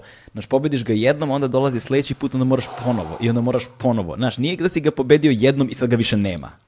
Nego ovaj, ovaj moj zadnji album Putu Plus, on ti ima onu, vidio si, crtao sam nešto iza. Skontao sam da u biti smo mi svi rođeni u tom plusu, znaš. Mhm. Rođeni smo kao ono, sretni, zadovoljni, dobri. Mhm. Taj plus je u biti naš bog u nama, ono. I onda da bi čovjek ošao u minus u kojem su ono sve bolesti, sve, sve strahovi, sve ono što ne valja, nešto se desi i ti odeš u taj minus. I taj mm. minus u biti postoji samo da bi se ti ponovo sjetio sebi i da bi se vratio nazad taj plus. Znaš, ono. Zapravo, album se zove Put plus. Tako je. To je I... 2018. tako? Tako je, tako. Da, da, da, I onda, onda sam ja, ono, naš kad sam razmišljao o tome, to mi, je, to mi rekla jedna psihijatrica, nevjerovatna žena, kod koje sam otišao, kod koje sam otišao bas kad sam izdonosi nosi kiriki, znaš. Mhm ona mi je rekla ono, vezano za to, znaš, ja sad gledam, ja sad to kontam kod kuće, ja sad dođem kod nje, rekao, koja pičku maternu ti meni govoriš ovo, Silvija, znaš kakvu sam imaš, mislim, umrla je prije dvije godine, srce mi se raz, a bila je ono, naš, zajebana stara žena, ovako je pričala, niska, jedno, metre šest, pušla je tri kutije cigara dnevno, ja ti ona meni, naš, šta jedeš, šta kurac, šta opet kukaš, znaš. Ja njoj govorim pa rekao, kakve ovo sad ima smisla, ok, dižem se, padam se, sjetim se da ja vrijedim, ok, Bog je tu, znaš, i šta sad, i dalje sam ja tu. I onda sam skonto dok sam joj pričao u biti da ti nikad, ti gledaš to, ne gledaš sa strane to. Ti kad gledaš to padanje, ti vidiš da ti u biti rasteš cijelo vrijeme. To ti je spirala. Mislim, svaki put kad sumnjaš u sebe, sumnjaš na drugčiji način. I svaki put kad se uvjeriš, uvjeriš ponovo u sebe, kad se vratiš u sebe, na drugom si nivou u sebi. Tako je. E to sam, to mi je falilo. Da. To mi je pravo falilo. Jer to mi je bilo, znaš, ono, ok, takav sam, hiper sam, senzibilno osjetljiv sam. Ok, povraćam se prije svakog koncerta, edo, šta ćemo sad? Čekaju me koncerti, znaš, šta da sad radim? Moram biti takav kakav jesam, iskren i to je to, razumiješ? Ono, radi to kako je, nekako ćeš pregužvat, ako padnem, padnem, boli me briga. Ono. Mislim, kome može ismijat? Može mi ismijat škola ljudi koji su naučeni da ismijavaju. Nije to ni njihova, to ono, vraćamo se na početak razgovora, razumiješ? Da, da, da, da, U biti, to je sve stvar ega. Mm. Bez Znači, ja, ja stvarno mislim da i ovo sad što nam se događa, ova korona i to, da je vrlo povezano sa, sa čišćenjem ljudskog ega. Mislim, prva stvar koju mi smo morali naučiti je to da brinemo za starije populaciju. Ono. Morali smo to naučiti. Šta je to nego ego, je? Boli me briga za njih, znaš. Sad smo otišli u drugom smjeru. Nema veze, ne, ne, ne, jeste. Ali ja mislim da ono što nas čeka kad korona prođe, a to su klimatske promjene koje ne idu nigdje burasto. Ovo čeka tu, vatra, vatra čeka, vatra ne, ispod tebe i čeka. E, ali znaš što je fora što su To nećemo moći pobijediti bez ovog ega, oprosti. Da, ali pokazalo se kad su klimatske promjene u pitanju ovaj, da je ova korona bila za neke stvari jako dobra za planetu. Uh, slušao sam neki podcast o nekim pomorskim i okeanskim istraživačima koji su rekli da su sada prvi put u životu uspeli da snime neke stvari zato što uh, okeani nisu bili zagađeni bukom od brodova, tankera, ono, Da, nema, ne idu, ne idu, ne idu brodovi i prvi put je ono okeanski život počeo da buja i imali su mogućnost da ga snime na način na koji do, to do sada nije bilo moguće, ono fazno decenijama, sto godina unazad.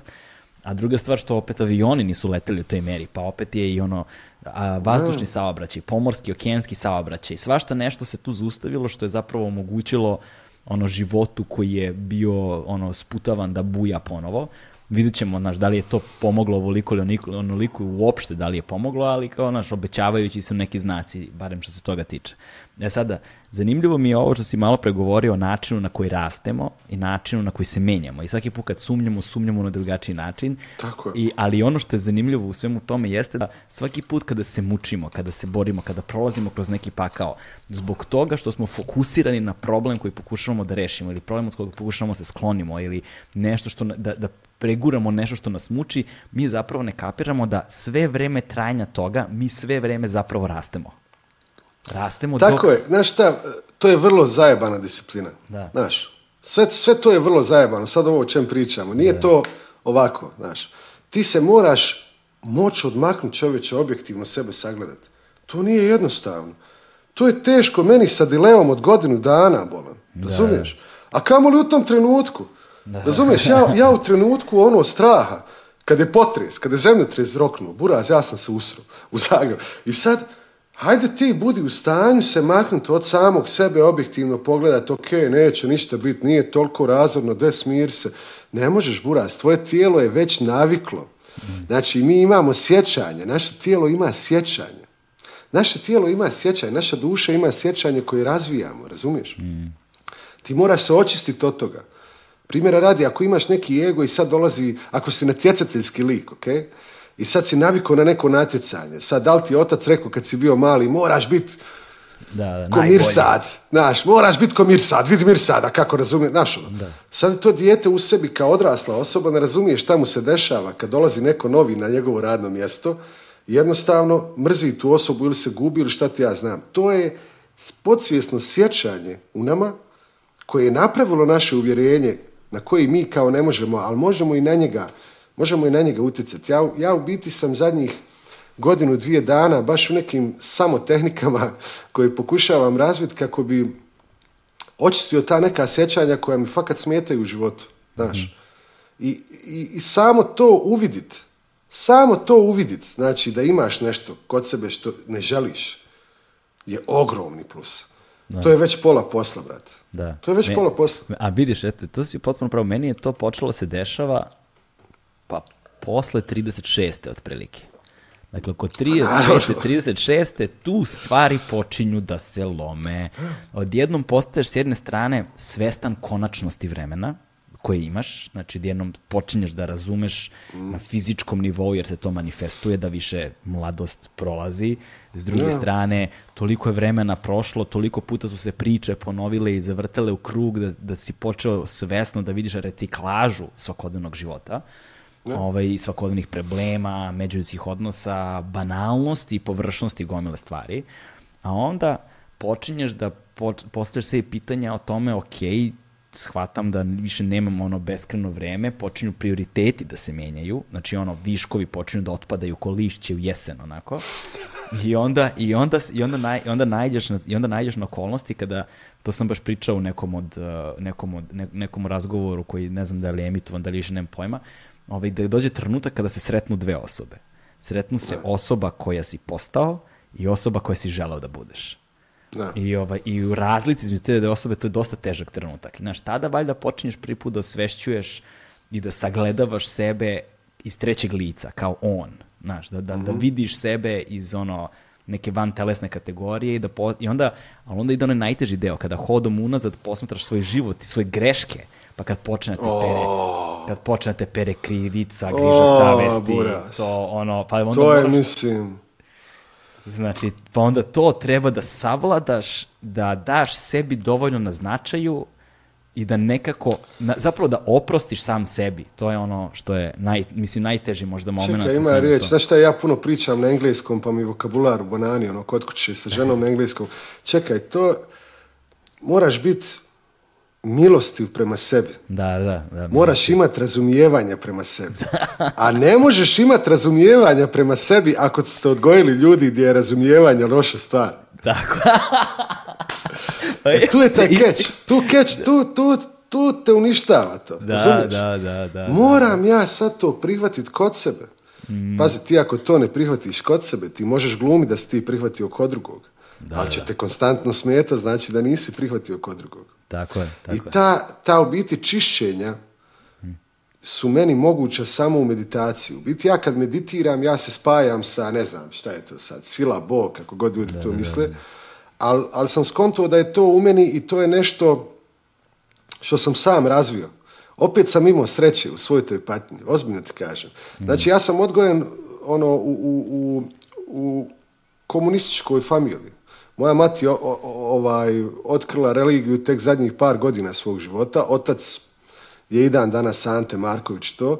I nisam imao od kog to, znaš ono, nisam imao od kog te alate duhovne dobiti. Rat je počeo, otišao sam ko izbjeglica u privlaku kod Zadra prvo.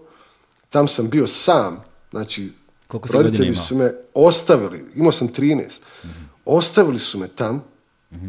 kod familije moje, koju nisam poznavao toliko dobro i već sam tam ona pokušavao, znaš ono, prije spavanja da vidim neko svjetlo iz mene koje ide u Bosnu, tam njih, njih kupa, kupa mene, ljubav njima, ljubav mene. razumiješ? Već sam tad to nesvjesno radio. Onda se razvilo još toga, došao sam u Zagreb, bla, bla, bla. Onda sam se počeo družiti s nekim krišnovcima, čito sam njihova sranja. Onda sam odre... Pazi, ja ti, ono, musliman koji je išao na vjeronauk u osnovnoj školi u Privlaci, tako da sam ja kršćanstvo skonto totalno. Mislim, nije to meni bilo obvezno, ali dok sam čitao nešto drugo i dok sam bio prisutan tam, skonto sam sve. E, skonto znači- sam svu krivnju koju stavljaju kršćanima a čekaj, čekaj, samo sekund, znači Hare Krishna su bili popularni i tamo, a, u to vrijeme. Da, da, da, znaš ono kad si mlad, kad si tineđer, ono, znaš, svi ste kao open mind, punkeri, ovo, ono, i onda, ja bih ga pročitao ta, sve te stvari. Zato što, Hare Krishna je bila dosta popularna ovaj, i, i u Beogradu, znaš, to, zapravo do bombardovanja 99. Hare Krishna je spašavala od vojske. Da, jeste, jeste. Gomila ljudi nije je preko Hare Bilo Bilo je, ili vojska ili Hare Hare, Hare Tako je, Hare Rama, Hare Hare. Pusti me da pjevam. Idi u kurac, razumeš? Ono? a onda Pusti smo mi išli u taj hram, bio je na Karaburvi neki hram, ja sam išao, bili su dobre sitni kolači, pa sam išao da ih jedem.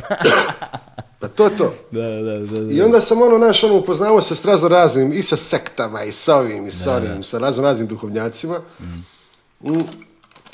Tako da sam u biti onda sam opet s islamom se sreo, opet sam učio neke stvari, znaš, ono, vezane za molitve, za ovo, za ono, sufizam, ovo, ono, znaš, ono, kako ideš.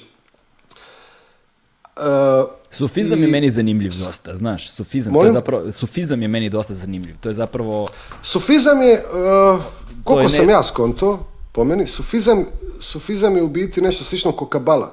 Pa znaš, ono, to je... tehnike, da. to su tehnike u sklopu religije. Mhm.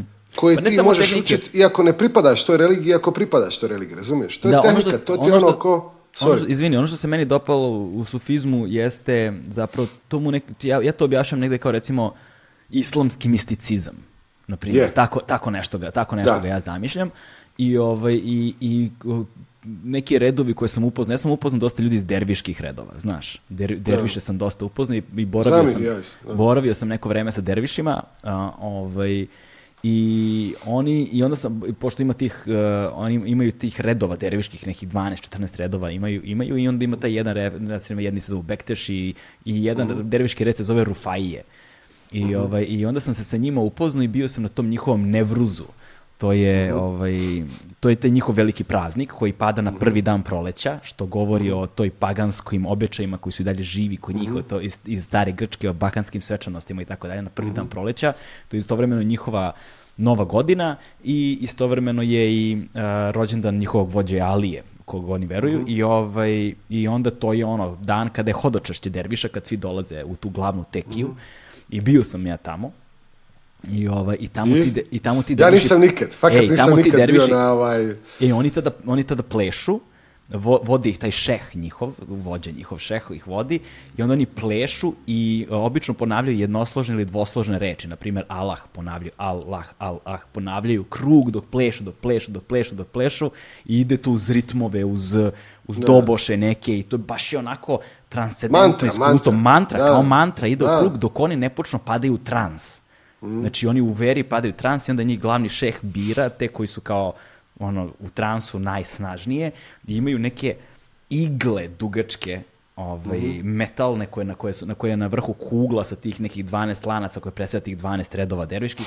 i onda se probadaju njima kroz obraze i onda plešu tako, ono, znaš, nekome pomalo curi krv i onda se ti tako probodeni plešu u transu i dalje to je tako ludilo. Jako hipohondar, ne mogu e, jednostavno. E, znaš, to je, znaš, to je, to je baš, baš je ludilo. Znaš, i ti sad zapravo vidiš da je tu sadržano sve i svašta. I onda su oni meni pričali kako je, kako je za njih uh, vera e, kao recimo razlike među plivanja i ronjenja. Znaš, na površini možeš da plivaš različitim tehnikama, znaš, možeš prsno, možeš kraul, možeš uh, uh, delfin, možeš leđino, možeš ovako, možeš onako, i oni obižavaju da su sve te tehnike plivanja površini zapravo različite religije. Znaš, da li ćeš da se klanjaš, da li ćeš da se krstiš, da li ćeš da, Znaš, da li ćeš, da budeš, to je, to je sve forma. Ali ono što je njih zanima je dubina kad zaroniš, svi smo isti, kao, znaš, važno je kao da si pa verujući čovjek i tako dalje. Mislim, Vrlo zanimljivo. mene sva moja životna iskustva navode na to što si ti mm. rekao. Mislim, znaš kako sam ja to skonto? Ja sam to skonto da su nekako, sve religije su ko neki telekom operateri. U biti, svi, svi ti daju ono put do interneta, znaš, ono. E, velika mi je tragedija u religijama to što se ljudi fokusiraju na, na kako doći do mm. Boga. Da, Umjesto samo da se fokusiraju na Boga, razumiješ?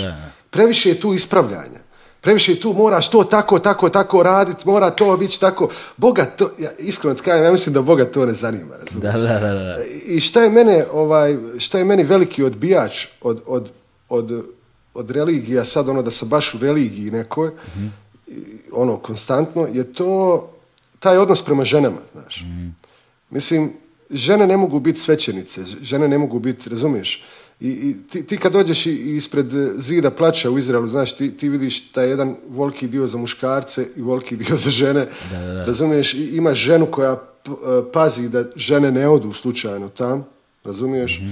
Onda kod nas žene su tamo iza, znaš, ono u džamijama, iza, iza, iza, idi tamo da ti se ne vidi, znaš.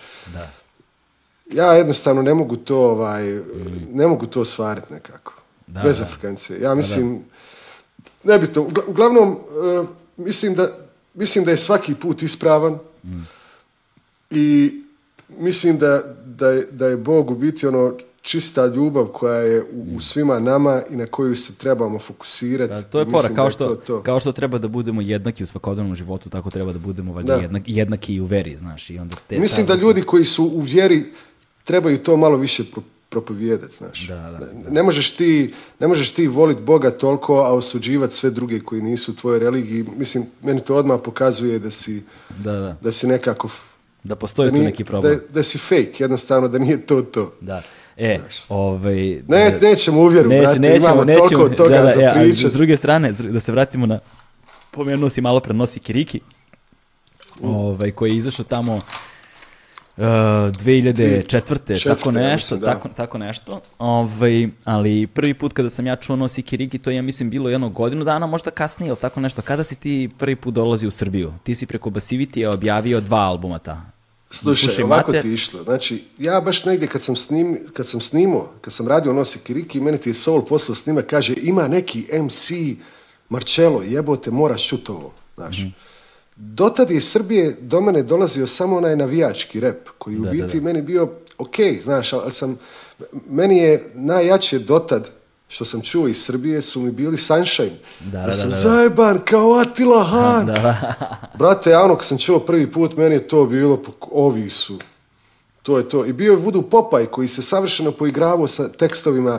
Vudu Popaj je bio fakat, iskreno kažem, žao mi je što nije ovaj što nije, eksplodi, što nije otišao dalje, da. Što nije više eksplodi, ja, što da, nije da, više dobacio nekako. Da, on je, on, je on, kad se pojavio, to je bila bomba, ono, ova soba je moj karantin i ti ja znam, to su bile ti kalamburi njegovi, te igre, rečima, znaš, kako, kako je on to radio, on je zaista bio sa tog aspekta i on je imao ono što si i, što imaš i ti, između ostalog, pored, pored, pored liricizma dobrog, postojala je tu, dakle, osjećaj za ritam dobar, imali se dobar flow, ti si imao uvek dobre hukove, dobre refrene, nekako se to, do, znaš, to je, to je, ali, znaš, to je zaista, ne znam kako to, to da objasnim, imaš taj spoj jednostavnosti koji se teško postiže, koja je neophodna da bi neka stvar postala mainstream, znači da imaš dobar vers, da imaš dobar hook, da imaš dobru melodiju koja dobro prodaje, da ti umeš da ispratiš, da imaš dobar flow, delivery, sve to dobro, a s druge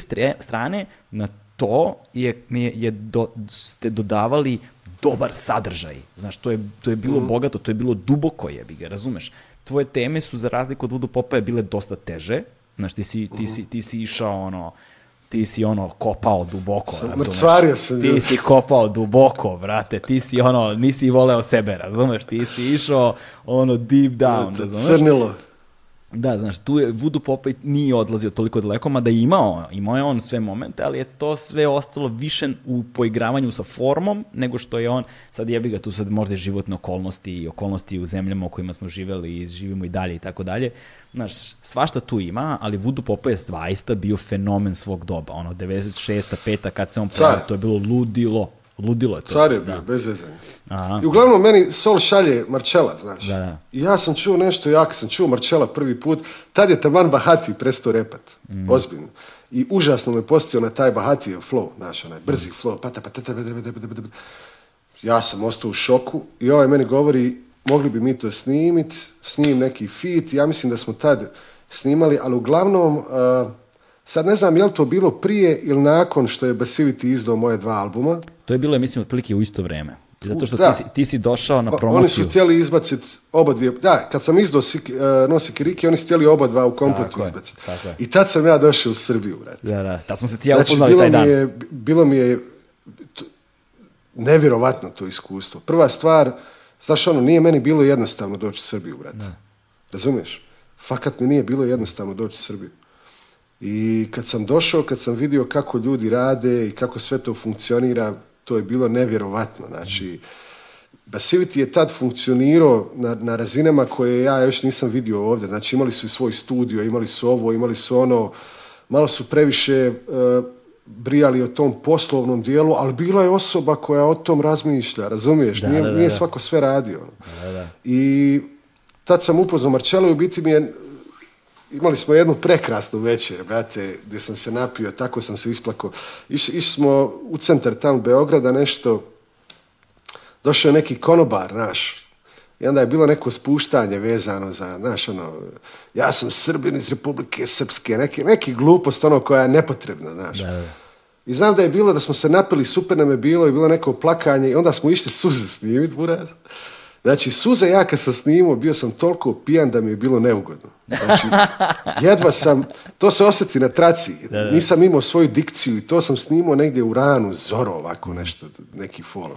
U biti smo, u tom periodu smo snimali pravo, ta, ta dva dana u Srbiji, tri u Beogradu, smo, ta, ta, ta, ta, ta, ta, ta, ta i, i upoznao sam nevjerovatnih ljudi, stvarno. Pa upoznao pa, smo se, nas dvojica upoznali. Kak se zove, on mi se svidio skroz, ba, onaj, Ovaj, kako je njem ime, čekaj. Reper? Ma reper, samo malo. On, on je taman došao iz, iz, eh, iz, Amerike, ali onda kroz taman došao. A ne, nije Tokio, nego ovaj... Jebe, kako se zove, te, sad ću ti reći, brate. ali super je lik, tad je on radio, ba, nema veze. Uglavnom su mi svi bili super i tad sam u biti, e, tad još nisam znao za bad copies, ali kad sam mhm. došao tamo, sam skontao ko su bad copies. Da, da, da, I onda, onda u biti sam vidio i da ima tog, malo animoziteta, kontaš, između, te dvije. Ono, jel, jel trial, frakcije. Jel trial? Trial. Trial, tako zvao reper. Nije, nije, bio je onaj suid, ali nije suid. Ne, suid. Onaj, ba, lik, on je uvijek... Na engleskom je repovao, tako? Nije, na, na našem je repovao. Cool je bio lik, super lik, ba. Ne mogu se setim sad. Nije bio, ja mislim da on roka i dan danas, evo, tipe car, ba. Nema veze, nema veze. Setit ćemo se, setit ćemo se možda umeđu vremenu. To je, mozak je malo ovaj, treba malo više B kompleksa ja, se Ja sjećam kad si ti došao, prvo smo se našli, mislim, tad sam te ja upoznao, upoznali smo se, kod Vanje smo bili u stanu tamo u centru grada. da, da. da tu smo bili, ovaj, tad, sam, tad, sam, tad, sam, tad sam te izvalio da si došao iz hardcore punk priče jer si imao si to važno na ranu. Ali imao si onaj suncokret sa nos rikija i u njemu si imao si da, zmaja ono gebote razumeš da, to? Da, da, da, To, ovaj, I onda smo otišli na promociju na nekom brodu, splavu smo bili. Da. Splavu koji se otkačio dok, smo, dok, je trajala promocija pa smo se jedva vratili nazad na obalu. Je, I onda smo posle otišli u studio sa Reljom i ekipom, si vidio da, studio tadašnji deo Resavskoj gde je već bio, tamo u centru grada i tu je krenulo ludilo, tu je došao Ice, Timbe, Došli Marcello, Sui, To samo pisalo, znaš ono, ide beat, ne znam ko je radio te bitove, radili su Vanja i Reksona, ja mislim, radio isto nešto. To ide bit i odmah se piše, buras, to se deralo, to je bilo nevjerovatno. Tek onda drugi put, mislim, to mi je bilo stvarno ne, nevjerovatno iskustvo, onda sam drugi put vrlo brzo nakon toga došao, završio sam bio, zašto mi je bitan Beograd? Beograd mi je bitan za, za Stigo Čumur album. A, da, da, da, da, Jer u biti, onda sam, ja sjećam kad mi je Vanja pustio bit za bombu. To je nevjerovatno bilo. Vanja mi je pustio bit za bombu i to je bilo samo ono, to je to, je to daj mi samo ovo i to je to. Znaš, ono. mm. I još sam uzeo jedan, dva bita, ja mislim, sam uzeo od njega za taj album ili za ovaj prije, ne sjećam, ja, ja mislim za ovaj, za, za nemam ispred sebe, ne vidim trekove, znaš. Ovaj, I u biti sam bombu napisao u tom jednom, ali to nije bitno. Bitno je to da kad sam ja završio Nosi Riki, u tom periodu, samo da ti kažem, poslije Nosi Riki, ja sam radio muziku za neke filmove. Radio sam prvu rock operu, mislim hip-hop operu, pardon. Hip-hop operu u Tuzli, to je čovječe 2004. ovako negdje bila. Sa Brankom Šimićem, eh, našim redateljem koji sad živi u Hamburgu, isto je Tuzlak. Ono. I, i nevjerovatne stvari su se događale. Radio sam eh, dio soundtracka za ljeto, ljeto u Zlatnoj dolini od Srđana Vuletića, ovaj film. Ludilo se dešavalo mm. kod mene, znači ja nisam stajao, e. brat. Kad sam došao taj drugi put u Srbiju, došao mm. sam samo s poslom. Znači, da, tad me nije zanimala promocija. Desila mi se jedna stvar, počeo sam raditi uh, eh, Stigo Čumur. Mhm. I kad sam počeo raditi Stigo Čumur, valjda ne znam nijak šta mi se desilo, počeo sam, brate, raditi nekakve betlove. Ono nekakve disove, nekakve betlove na, nekog zamišljenog repera koji mene mrzi. I ono, sjećam se, došla kod mene ekipa kod kuće, znaš, ja njima pustam pjesme i ljudi meni kažu, e, ba, koji ti je kurac, šta je ovo? da, da, da, da, da, Šta ti je? I? Ja fakat velim, već sam imao sedam pjesama, ja odem kod Mire, reku, Miro, izbriši sve ovo, mhm. nema, reko, ovo, reko, ne može ovako. I odem ja u Beograd, baš tad e, sam trebao nešto snimiti, nešto raditi, ne znam ja šta je bilo. E, ali čekaj, ali ti disovi kad su bili, Ove... Ovaj- bili disovi na druge repere, to je bio samo battle. ono, ja napačeni, ja ovakav reper, nemoj na mene. Bio sam reper, pretvorio sam se u repera, Buraz. Da, da, da, da. Nije to za mene bilo cool. Ono, bez zezanja. Mislim, znaš u kojem smislu rep, repera? Jasno, Mislim, sad, znaš. U, smislu, u smislu tog reprezenta, ono, koji je, koji je sastavni deo ono tog kurčenja. mi je inspiracija, nisam više imao se s kim takmičiti, nisam imao naš ono s kim, nije bilo nešto što bi ja vidio da je povuklo, razumiješ, novo na sceni, nije bilo ničega. Da, da. I odijem ti ja kod Viklera. Au. Vikler ti je tad radio, Buraz, u, na radiju, ispod radija dole ti je bio neki studio odvratni. Da, da, to smo mi zvali Viklov bilo... Čumez, on je tu živeo. tu, tu je bilo ono more neki limenki, to je bio da. Pentium, ono, PC, yes, da, 3, to, 4, 2, to, ne znam nija kako to, se to je Bilo, to je bilo pre znači, požara. Mikrofon, pre...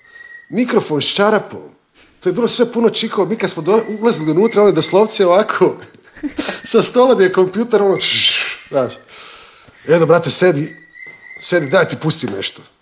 I ja došao. Štaš mi pusti? Buraz, on je mene tako išamaro tu, sa stvarima koje mi puštao.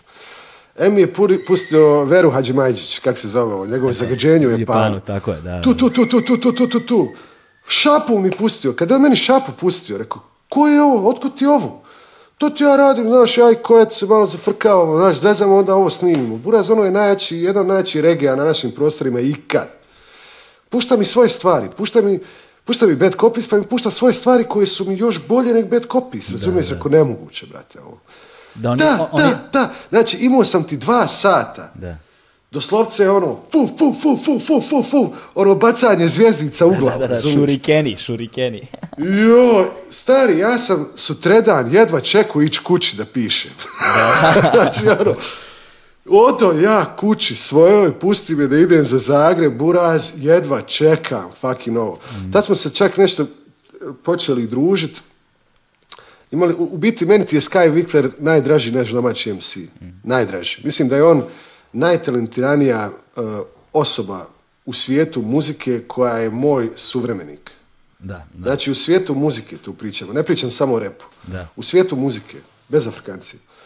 Imam ja još dragih MC-a, naravno volim ja njih puno, ali mislim da je ovaj što se tiče cijelog jednog all around mm. sranja, najjača osoba vezana za muziku na Balkanu koju sam ja upoznao, upoznao sam puno, mislim isto vremenika, upoznao sam Arsene isto, tako da ne možeš, brate, daš, Arsen je ipak, Arsen ipak druga vrsta moći, razumiješ, koja je isto nedostižna, kontaš.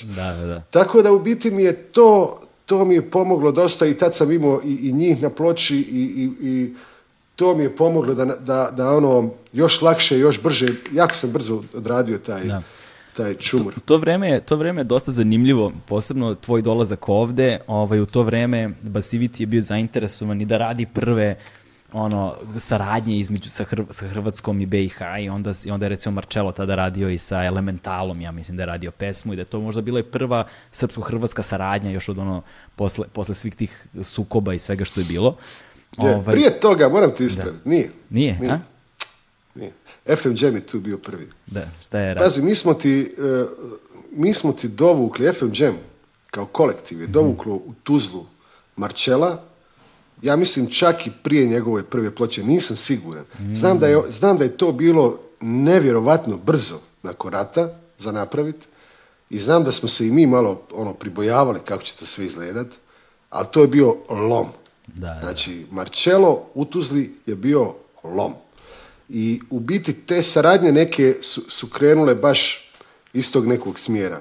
Nakon toga je krenulo ovim putem ostalim.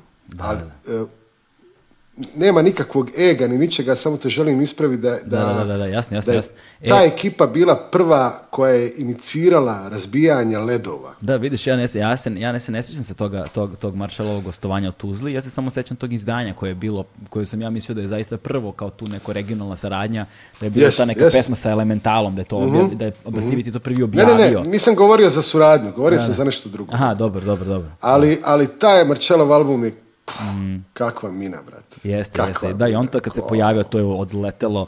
Znaš, e, a sve vrijeme dok pričam o ovim stvarima, meni je veoma teško nekako da... Ove, ovaj, jer sve vrijeme vidim jaz u, u, u vremenskim odrednicama, koliko je teško razumeti vreme, prostor, trenutak kada se to dešavalo. Taj, te iste stvari da se dese danas, to ne bi odjeknule uopšte. Znaš, uopšte ne bi odjeknule.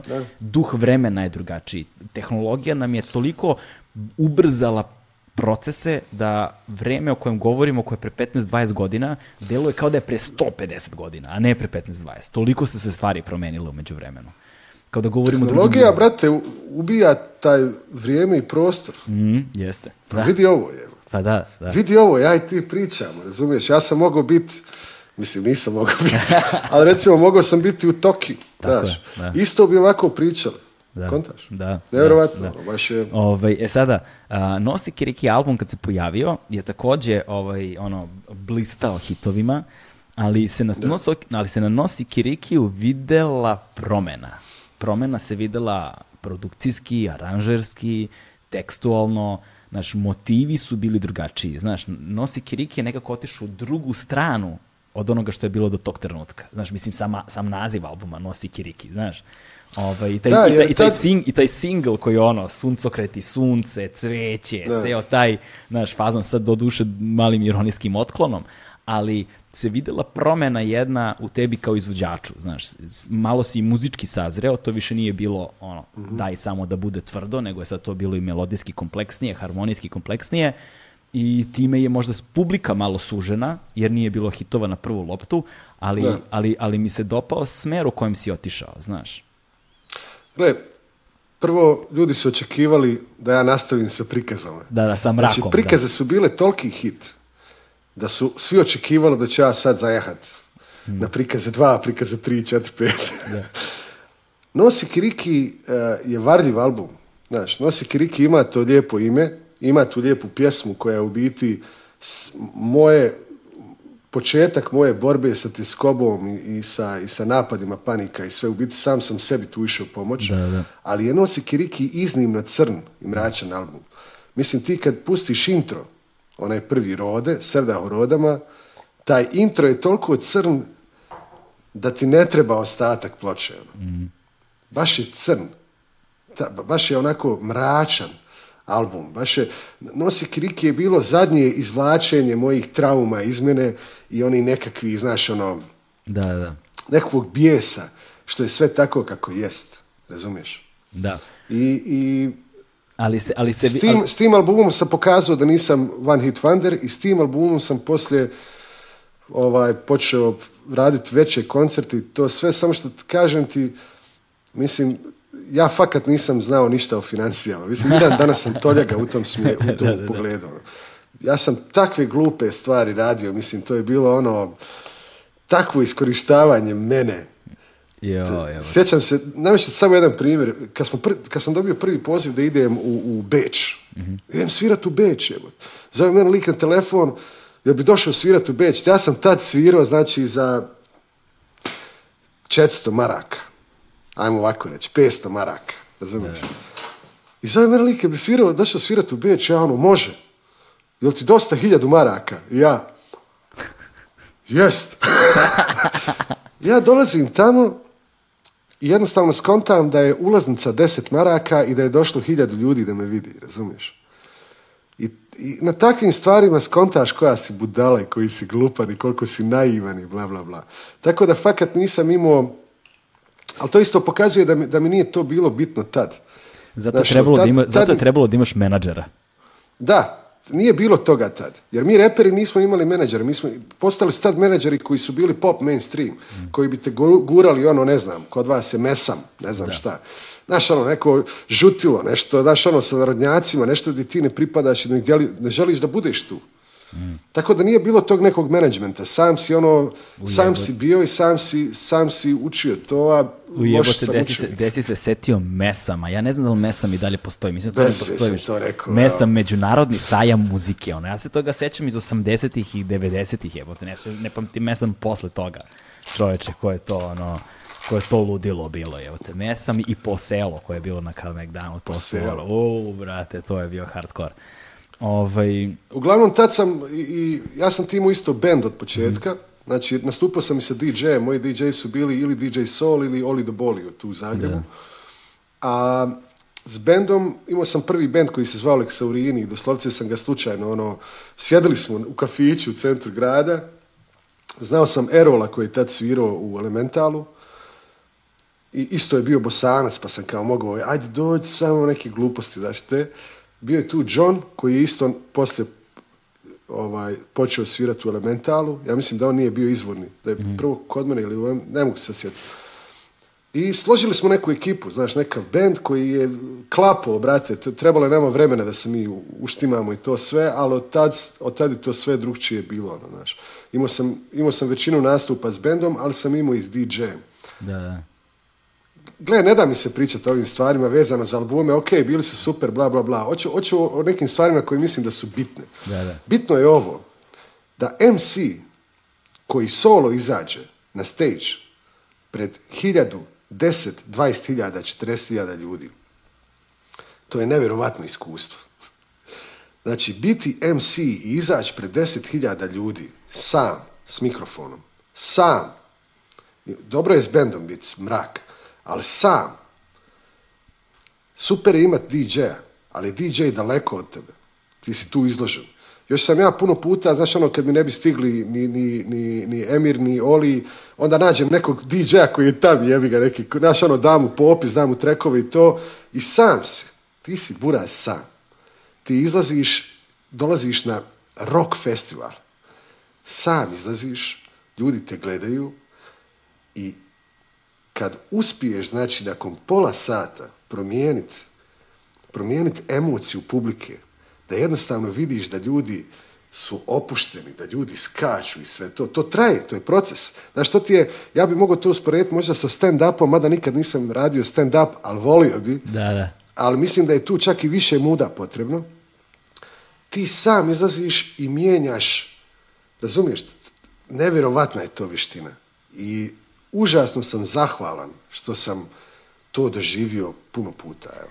E, to je sad, vrlo si zanimljivu temu otvorio. Ovaj, u stand-upu je, je, jeste užasno teško i potrebno su ono čelična muda zato što, zato što to, to smo pričali, pošto ja dosta dobar prijatelj sa celom tom stand-up scenom ovdje kod nas i onda, smo, onda smo pričali smo često o tome, ovaj, mhm. probili smo puno vremena zajedno i na putu smo čak proveli puno vremena zajedno, fora u tome da bi nešto bilo smešno, ne možeš da glumiš da je smešno. Znaš, da bi nešto bilo smešno, ono mora prosto da bude smešno. A da bi bilo smešno, mora da dođe, mora da bude iskreno. Zapravo, stand-up u velikoj meri mora da ima taj ispovedni ton. Da ti uzmeš ono, ono čemu se danas najviše smejemo i ono zbog čega smo se juče najviše brinuli. I onda ti moraš da uzmeš iz tog mraka razumeš, da izvadiš i da daš ljudima ono što ne bi psihijatru rekao, da kažeš gomili stranaca i oni treba za uzvrat da se smiju. Razumeš? Da, imaš spotlight na sebi, mikrofon, nema muzike, nema svaka atmosfera je ona koju ti napraviš. Ali najteže je onim komičarima koji recimo treba da rade warm up, zagrevanje, da otvaraju za nekog velikog komičara za kojeg su ljudi kupili karte. Što znači da, za to komičara su spremni. Taj čim se pojavi, oni su već ono, u lu ekstazi. Ali ti kad izađeš, tebe niko ne želi da gleda. Znači, tebe da. niko, i još ovaj naš balkanski mentalitet je prekrste ruke, nadrkani pogledi kao, ajde vidim kako ćeš da me nasmeješ. Znaš ono, ne žele da, budu nasmejani, to je baš zajebano. Ali je zanimljivo ovo što si pomenuo, zato što ta dinamika, znaš, nekoga ko stoji u backstage-u ono, 10 minuta pred izlazak na binu i fazon povraćati se, razumeš? A napolju čuješ da je ono huk od 10-15 hiljada ljudi. Znaš, i onda vremenski period od trenutka kada povraćaš do trenutka kad ti je do jaja na bini. Ta transformacija, ta metamorfoza, taj put. To, su, meni, to su meni prve dvije, tri pjesme.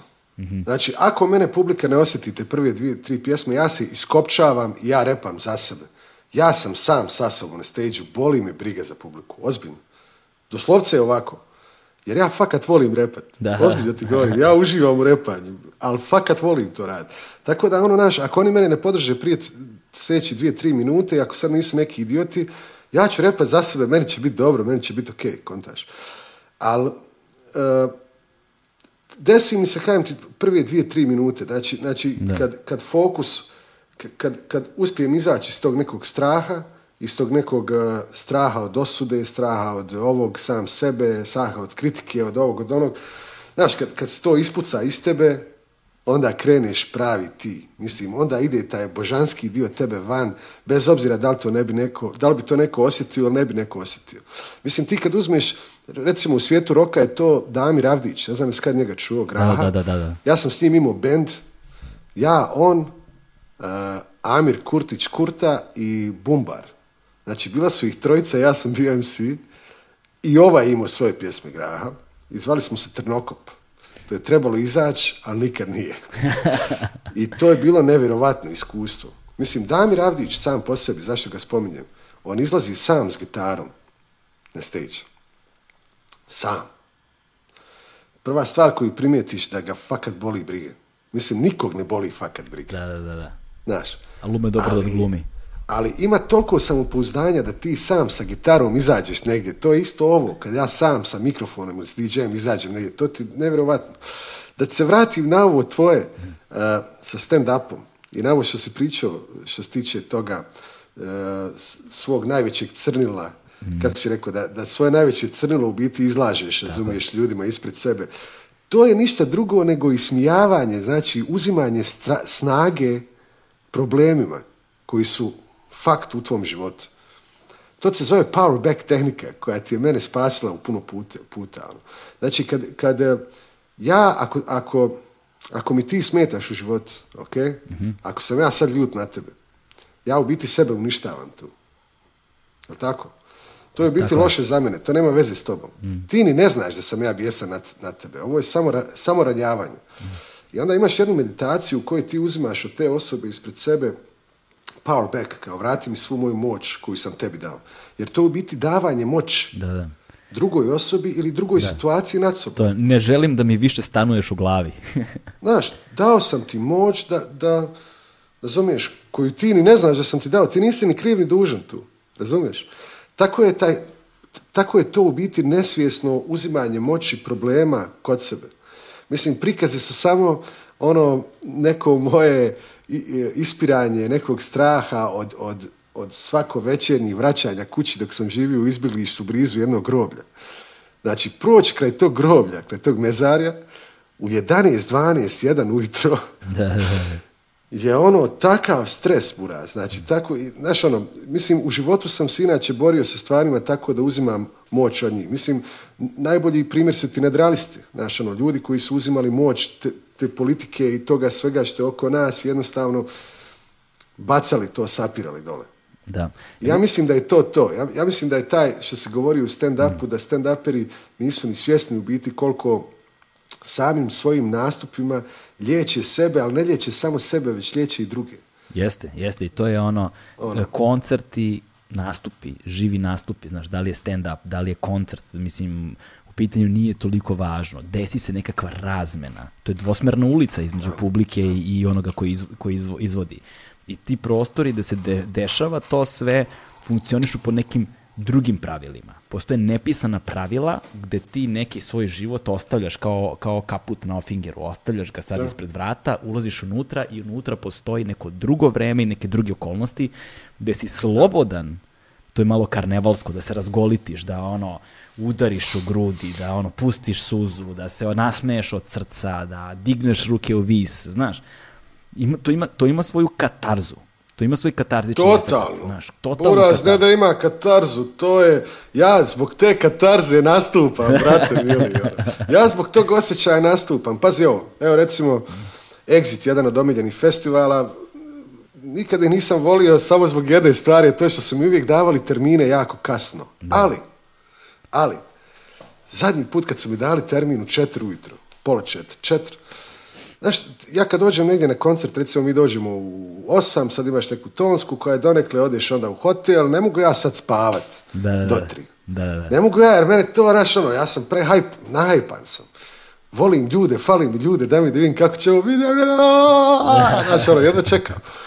I Naravno, ne možeš spavati, sad ti čekaš na jedno tri i sad ti utri stavljaš onaj ruksak na sebe, ja pjehe idem dole do one tvrđave, idem po tvrđavi, nigdje, nikog, ljudi idu nazad. Odoše ljudi kućama. Ti se penješ u stvrđavu, ide rijeka ljudi. Pored tebe. E, Ali odoše ljudi, buraz. Ja dolazim gore pola četiri. Nema nikog ispred stage Nikog. Onaj, kak se zvao, Green, uvijek, stage neki. Ne, main stage, već onaj naš, onaj e, To se sad zove fusion stage, mislim, dolaze ovi balkanski izvođači uglavnom, da. Dolazim tamo ispred stage nema nikog, troje mrtvih, zgaženih ljudi leže, razumiješ, ispred stage prolazim prema tamo i štaš, već mi je loše. Da. već mi je loše, tamo je bend iza, oni su već ono, naš, isto, nikakvi, nije bend, DJ, mhm. tamo mi je DJ, čekaju me, ne znam, DJ, backup MC, ovo ono. Ja sad od tog trenutka ne vidim šta se dešava ispred. Izlazim na stage u četiri, pazi ovo, još je mrak. Jednostavno ovako, prva pjesma, druga pjesma, ljudi se skupljaju i to se napuni deset hiljada ljudi se stvori odnekle, razumiješ? Da, I to ide i cijeli, cijela ta moje, to moje mučenje samog sebe, što su me stavili ovako kasno, kako ću ja sad to jebote, ovo ono, dobiva na smislu, znaš, ono, dobiva zašto. jednostavno smo završili uz nos i kiriki Zora. Da. Zora! Ljudi u deliriju, čoveče iz tebe izlazi neki osjećaj, ne mogu ti, da mi je plakat od zahvalnosti, bez zajebanci, da mi je zapisat broj telefona, da idem sutra od vrata do vrata, da ih grli, da ih bez veze. Desilo mi se sad, to mi se isto desilo, sad smo imali svirku, ja sam imao ono nastup sa jednom DJ-com, Ivana, ima band Playground Hustle, jako dobar novi bend u Zagreba. Ima cura koja je DJ i ja sad nju govorim, da ajde mi ti budi ono DJ-ca. bio je krajem, početak septembra je bio koncert, jedan od onih u, upo lockdowna. mm lockdowna koncert, znaš ono. Ajde, bit će kao naš prostor, neki underground prostor koji ima inače dvorište hiljadu i pol ljudi, doće njih 300, mjeri se temperatura, mjeri se sve, znaš, samo to što ljudi dolaze i što su spremni na to da se izlože ono, ne mani i tom svemu i da, da ostave podatke. Ako neko sutra ima, svi idu, znaš, da, da. svi idu u samoizolaciju. Ja nisam nastupao od februara. A već je septembar, ja ne znam da li ja to imam u sebi. Dolazi mi žena, dolazi mi mala. Moja mala, evo, božava kad je vidim u publici, se ono, lucam za njom. Ono. Ne znam nija kako će to izgledati. Ne znam da li znam te pjesme više. Mhm. Ne znaju ni ljudi šta da očekuju. Bio je potres. Znaš ti koji je stres to bio nama koji živimo u Zagrebu? Kako je, kako, je, kako je prošlo to? Viš, nisakim nisam još imao priliku da razgovaram koji je u Zagrebu bio kada se desio zemljotres. To mi ima sad, boga mi, godinu dana skoro. Usro sam se ko nikad. Ko nikad, znači, ko nikad sam se usro. Znači, to kad je ruknulo, ja sam mislio da će se sve srušiti. Jer ja živim u centru, u dosta starim zgradama. To je fakat bilo odvratno. Ali ima jedna dobra stvar vezana za taj potres što, znaš, ono, ima po centru i ovih Zagrebčana koji te ne vole. Znaju da si ti jedna majka, znaju da si došljak. Ili ne vole jednostavno tvoje pjesme, ili ne vole te zbog nekog da. razloga, ne znam ja kojeg. Ne mogu te prihvatiti. Ne pozdravljaju te. Ti njih pozdravljiš uredno, znaš, ono. Nakon potresa se desilo čudo. Svi su počeli pozdravljati jedni drugi. Ko da smo izgurali neki rat nevidljivog protivnika koji je sa sljemena pucao sa zoljom, ne znam li ja čim. Znaš, ono, ljudi su počeli ići jedni drugim, ono, treba šta? Hej, hej, ono, klimali su glavama. Da, da, da. Desi, desi. Znaš, ono, bilo je buraz mjesec dana, dva mjeseca. Uglavnom, da se vratim na priču. Ja nisam znao da li ću ja znat repat, ja nisam znao šta da ja očekujem, ja nisam znao šta da oni očekuju. Mm. To je lagano nekako išlo. I sve lakše, i lakše, i lakše, i bolje, još, smo pokopali Miru Vidovića i studio Moris na taj isti dan, brat. Još sam pričao o njemu, znači raspadao sam samo sam. Sreća da sam taj dan plako. Mm-hmm. Nije ostalo više plako, ništa. legitimno, znaš, ono, na sprovu da sam sve izbacio iz sebe to. I hoću da kažem, na kraju svirke se desilo to što se nekad desi, a to je da ste i ti i publika nekako povezani i jednostavno neko svjetlo, brate, frflja iz vas, mm. razumiješ? Nešto je dobro, neka, ne mogu ti objasniti ono, to, to je fakat teško za opisati. Volio bi znat bolje objasniti ovakve stvari. To je, I to je dovoljan dokaz onome, za one skeptike i cinike koji kažu da muzika ne menja svet. Muzika i tekako menja svet. Oh. Muzika menja svet svakog dana. A posebno na... Ne samo muzika, brate, meni ti mijenjaju svijet i pametni ljudi, ono, koji pišu. Da. Meni knjige znaju promijeniti, ono, mm. raspoloženje. Dobra, dobra kolumna, dobar blog. Tako. Sad ste vi imali Dežulovića u Srbiji, vrlo ono vam je teško. ja ga, Dežulović je takav, brate. Ali hoću kažem, ovaj, Dežulović ima nekih tekstova koji ih je izbacio još od vremena Ferala do sad, mhm. u vremenima tako mračnim za Hrvatsku tako zafrkanim, tako desno orijentiranim, tako ono da ti se plaće, da kad ih pročitaš, ono, opustiš se, brate. Lakše ti je, Dignete. Dignete jer znaš da postoji neko sa mudima da kaže nešto o stvarima koje ti ne znaš tako objasniti, razumiješ? Da, da, da. I zato što... Zato Sad, ne samo on, ima tu brdo ljudi, znaš, mm. ono, mislim. I zato što, zato što osjetiš da nisi sam. Znaš, to je tačka objedinjavanja, sjedinjavanja, to je tačka, ono, saborna tačka, znaš, zato što kroz takve tekstove, kroz takvu muziku, kroz, ono, kulturu generalno, znaš, mi se tu, kao saberni centar, znaš, mi se tu objedinjujemo i, on, imamo, imamo nešto zajedničko što delimo. I onda, i onda, i onda u, toj, u tom deljenju, u toj razmeni, ma koliko ona bila, ono, E, metafizička, naš, kao sediš i čitaš neki tekst, ali ti znaš da je taj tekst objavljen u hiljadama primjera kada je to mnogo ljudi pročitalo, da zapravo neko razmišlja na sličan način kao ti, deli tvoje strahove, deli tvoju bespomoćnost, deli tvoj gnev, tvoje nešto i onda, znaš, to je osnovna ljudska osobina. To je možda jedna od najvažnijih ljudskih osobina. Znaš, jer, i kažem ti... I učenje, brate. Da. Učenje. Ja volim učiti. Ja volim učiti od ljudi. Mhm ja volim učiti od ljudi ono nevjerovatno bilo šta. Mislim, to mi je gušt, to obožavam. Pazi, ovaj, a, u, po, u kom trenutku si se okrenuo tom meditativnom delu sebe, da kažemo? Naš, kada, kada je ta potraga počela? Pa počela je baš negdje tamo prije albuma Nosi kriki. Da. u kojem govorim. Da, kako ti to sve počelo?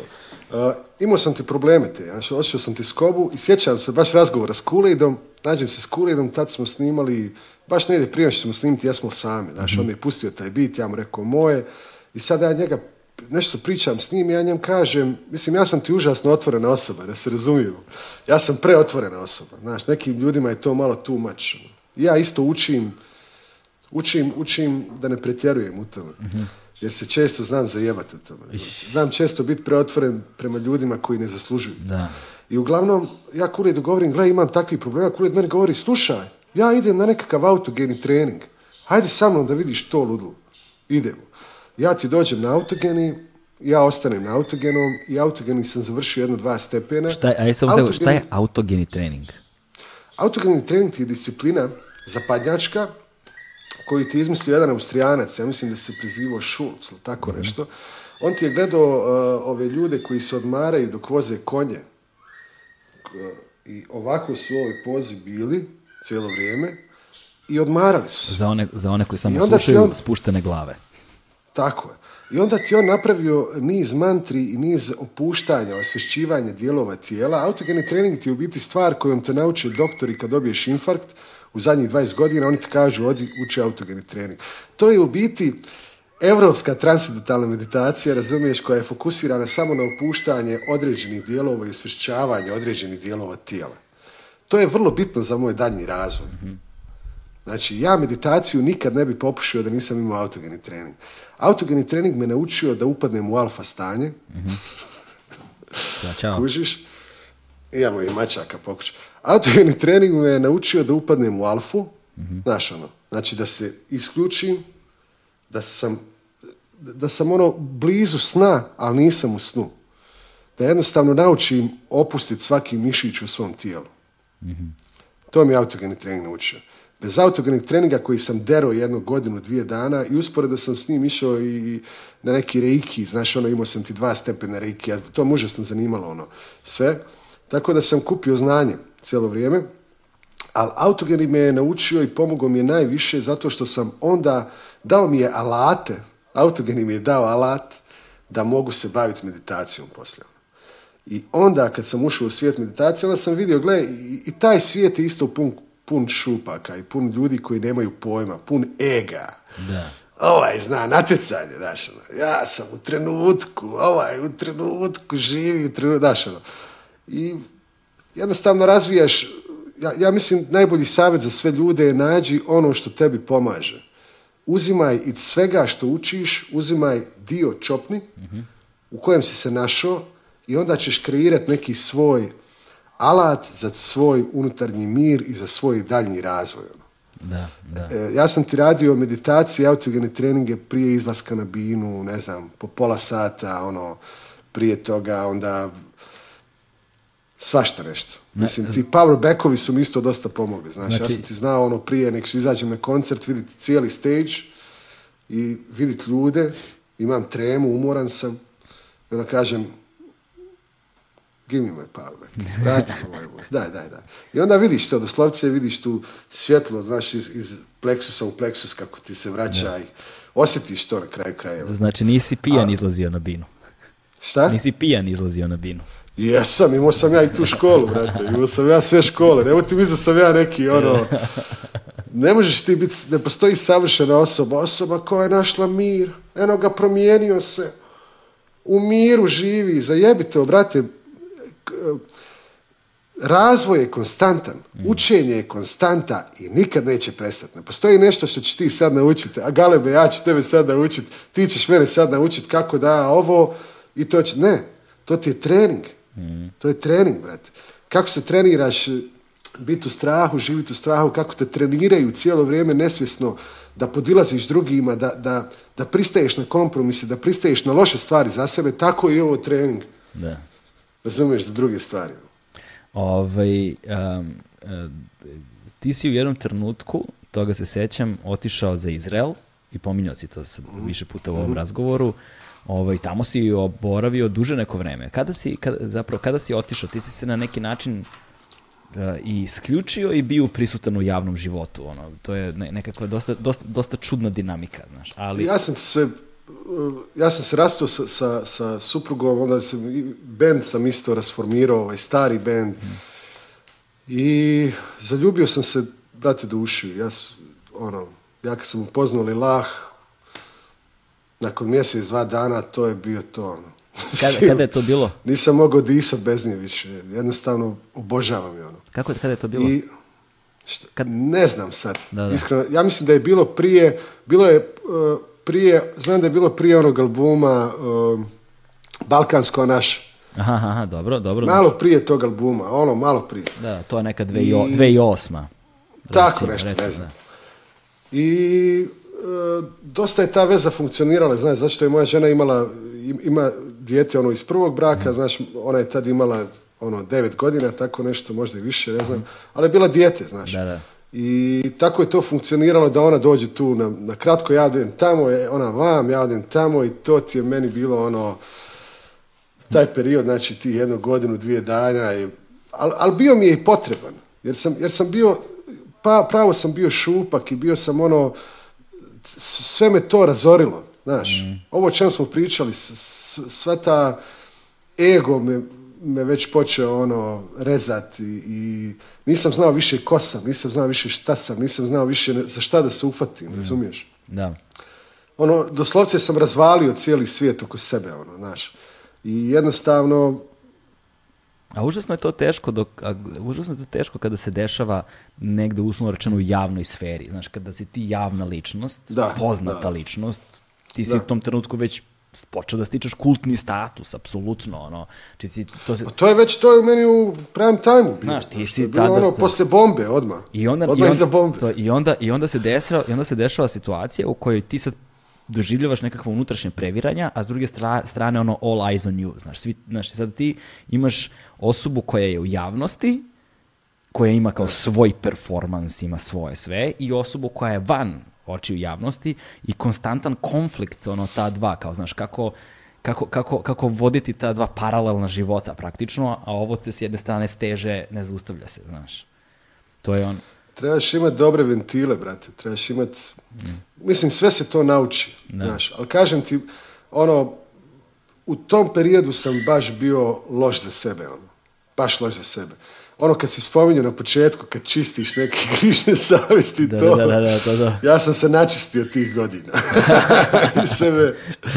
Tako da, ono, zaljubio sam se, kažem ti, u da. nju, ono, počeli smo hodati tako na malo dužinu, na, na udaljenost i onda sam skontao da je u biti meni lakše tamo biti jer, jer mala ima tatu tamo i ne može se to desiti, znaš, da se mhm. oni ovdje presele, tako da smo ja sam odlučio jednostavno otići živjeti tamo. I živjeli smo jedno četiri i pol godine tamo. Kada je Mala napunila 18, došli smo u Zagreb. Ovaj, dobili smo dijete tamo, ja sam sa 33 godine dobrio Malu. I sa njene četiri i pol godine smo tu došli, došli ovdje. Evo sad će slaviti u, u krajem decembra slavi deveti rođendan. Da, evo da. Velika stvar, evo te. Djeca nam rastu nevjerovatno njim. Tako da je Maj je tu s nama bilo neko vrijeme, onda se vratila u Izrael jer nije mogla tu ni studirati, ni ovo, ni ono, ni raditi. Tako da je tam i sad nam užasno fali, baš nam jako nam fali. Kako izgleda, kako izgleda život ono kad se vratiš posle višegodišnje pauze negde i kao dođeš nazad, ono, koliko su se stvari promenile, koliko je teško... Nisam ja sad bio skroz van ovog, ja sam dolazio i odlazio. Dolazim i odlazim. Imam pjesmu na zadnjem albumu dolazio sam i odlazio, znači konstantno. Svaka dva mjeseca dođem na sedmicu, dvije dana, tu, tu, tu, tu, tu, tu, svirke, ono, zaradim neku lovu tek tako da se osjećam kao sposoban muškarac. Vratim se tamo nazad, platim neke račune, razumiješ, i, i to je tako funkcioniralo, znači, cijelo vrijeme. Ali nisam se mogao posvetiti ničem, ali, ali dobro mi je bilo zato što sam u biti uspio sebe objektivnije sagledati. Uspio sam jer ovo što sam dotad radio, mi se, počelo mi se gaditi. Mm. Znaš, počelo mi se gadit sve to, nije mi imalo smisla više. Znaš, morao sam nekako naći nešto što mi fali u karijeri. Sad ćemo se vratiti na karijeru opet, ono, mislim. Yeah. Onda se desilo poznanstvo i, i rad sa kultur šokom. E, to sam teo sa Gino Bananom, brate. Da. Gino mi je postao dvije trake koje su bile nevjerovatne I, I, to je bilo u vrijeme kad sam ja bio izložen razno raznim napadima zbog toga što, sam, što ja živim u Izraelu, a Izrael ratuje s palestincima, ko da palestinci nisu oko mene u Izraelu, nebitno sad. U biti bilo je jako veliki osuda, prijetni, svašta nešto, odvratno je bio, odvratno teški period. I ove ovaj mi šaljete dvije trake, jedna se zvala e, Staza manjine, jer sam skontao da postaje manjina unutar svoje manjine, i druga se zvala Sloboda. I u biti to čišćenje kad sam pisao to, me jednostavno povuklo na to, fali mi bend, treba mi bend, kad se vratim u Zagreb idem složit bend. I kad sam se vratio u Zagreb, uspio sam nekako privući nevjerovatan bend. Mm. Ja stvarno na ovoj ploči Putu Plus, koja je malo ispred, Putu Plus je malo ispred vremena, za mene to govorim. Jer sam tek neke stvari koje sam mislio da jesam, sad sam tek to. Da, da, da. Razumeš? Sa znači, sam da, ono, intuitivno su izašli iz tebe na tom izdanju, a onda si ih osvestio ono, je, dvije godine I ono, znaš, razmišljao sam kako ljudi, zašto ljudi, ljudi ne kontaju to, šta se dešava, znaš, ono, kako ne osjete ovo. I on se skonto, ne osjetim ja to nekom dijelu, na nekim dijelovima. I baš na tim dijelovima, kad popravim te dijelove u sebi, znaš, sve sjeda na svoje kontakte, Ali onda kad sam se vratio, imao sam tu sreću, e, sreo sam iz Gypsy Groove benda, jednom sam nastupao u Prištini i svirao neki Gypsy Groove band koji su imali najboljeg bubnjara i basistu koji sam ja u životu vidio. Znači, ritam sekcija nevjerovatna. Mm. Ja ti dođem u Zagreb i treba mi čovjek s kojim ću početi nešto raditi. Volim ti raditi s basistima i nađem ti, ti e, Marija Rašića, koji inače radi i, sa majkama i sa Ninom Badrić, s ima svoj, zna svirat jazz i zna svirat sevdah i ima sve što bi treba, i funk, i i sve, znaš. I super, ja njega nađem, kaže meni, slušaj, ima jedan Mirsad, došao je živjeti u Zagreb, lik je Rom iz, ovaj, iz eh, Prištine koji reko Romi kaže meni, ima band Gypsy Gru, da reko nemoj srat, taj Gypsy Gru, jes taj Gypsy Gru. I dolazi i on meni na, na probu. U međuvremenu nalazim Tonija Starešinića. Toni Starešinić ti je genije, sind genije. Mhm. Jednostavno, on ti ima onaj band Man Groove, sad sa svojom ženom je napravio nevjerovatne materijale nove nekakve. tip je genijalac, ukratko ubica. I mi smo imali probe i ja sam mislio imati bez gitare, međutim dolazi Mirsad, kaže meni Mirsad, slušaj, upoznao sam jednog Amerikanca, zove se Jogi Lonić, došao bi on na probu. Hajde, reko, dovedi ga. I dolazi Jogi koji je, znaš, ono, na probu, lik, ono, hudiju. Da, da, da. Znaš, ono, ono, lik sjeda, ima neku pedalu, bez ništa posebno, a lik koji god to odsvira je nevjerovatno pogađanje. Znači, znaš, ono, džemamo i šta god čovjek odsvira je ono, ne možeš da vjeruješ da se ovo dešava, razumiješ? Nismo mi znali, mi smo tek neko nekoliko probi skontali da je u biti Jogi Lonić lik koji je, radio sa Krisom Kornelom ono, na, puno ploča, radio je s ovima, s onima, lik puni stadione od kad zna za sebe, razumiješ? I meni je bio prvo crnjak jer nisam znao sad šta da mu ponudim, gle buraz, sa mnom nema previše para na koje si ti, znaš ono, ja ne mogu, vrijediš, ali ne mogu sad, znaš, ono, sam se toga, ali super je ispalo, lik je fakat odličan i počeli smo imati probe i ja sam taj materijal vrlo brzo složio i izbacili smo vani, to je to. Ono. Pazi, Svirali smo dosta koncerata već do sad i nadam se da ćemo i dalje. Ono. Ovaj, to sam teo, uh, znaš, ti si, sad, ti si objavio do sada za ovih malo manje od 20 godina osam albuma, znaš. I ovaj, svaki taj album je nosio nešto novo, nešto drugačije sa sobom eh, i sve te tvoje metamorfoze, promene, tranzicije, sve se to nekako vidi, znaš, kroz, kroz, mhm. kroz ta izdanja. Ali, znaš, da li si ikada imao krizu albuma, Razumeš, znači, znaš, svaki, svaki bend, na primjer, ima to, ono, znaš, da li kriza drugog, da li kriza trećeg albuma, znaš, da uvek se postavlja pitanje da li imam šta da kažem, da li nemam šta da kažem, kad ti, ti procesi stvaranja, znaš, život ide svojim tokom, uzima ti vreme, znaš, žena, deca, ovo, ono, znaš, mhm. gde kreiraš to slobodno vreme u kojem stvaraš, ovaj, gde, gde pronalaziš tu motivaciju, razumeš, da kad imaš sada slot slobodnog vremena, sad treba da se napravi nešto, Ovaj, I da li imaš uopšte naš, neke rituale kako organizuješ sebi svoje vreme ili to ide kumulativno kad ti dođe pa onda izađe sve napolje, znaš, ili imaš te neke ono, formalne stvari koje radiš? Meni je to nemoguće, znači, izorganizirati. Da, pa. ja, ne mogu, ja ne mogu izorganizirati, e, napravit ću album, izaću ga u četvrtom mjesecu, idem sad. Ženo, svaki dan ću ja od 7 do 9 biti to jednostavno u mom životu trenutno, u, mojoj obitelji, u mom životu je nemoguće. To je science fiction, to je ono samo frustracija, ništa više. Jedva smo se dogovorili za podcast, a ne za album. kod, mene je uvijek bilo tako da mi se mora skupiti nešto u meni da bi to izašlo van. Mora se skupiti nešto u meni. Mm. Ja moram osjetiti tu potrebu. Znaš i sam, ja, mislim da znaš to, ti, znaš, puno ljudi to ima. Znači ono, potrebu da kad da kad i dijete i žene mi pričaju, ja ću gledat samo gdje mi je bilježnica, teka. Da. Znaš, ono, jest, dobro je, volim te. uh I onda kad to krene, onda me ne zanima da li sam u studiju, da li sam na probi, da li sam na cesti, nebitno je. Nebitni su alati koje imam oko sebe. Bitno je samo da to izleti. Ima, ima Meša Selimović, ima Meša Selimović eh, jednu divnu misao o tome eh, zašto neko postaje pisac. I, ovaj, kaže, I onda kaže, postoje dva razloga zašto bi neko postao pisac. Za nekoga, za nekoga je e, zvanje pisca, kaže, sad parafraziram, kaže ovaj, statusni simbol. prirodan prirodni korak u razvoju akademskog života ili ostvarivanja u društvu. Znaš, ostvario se akademski, postao doktor nauka, radi ovo, radi ono i prirodni sledeći korak te osobe je da ono, se ostvari kao pisac.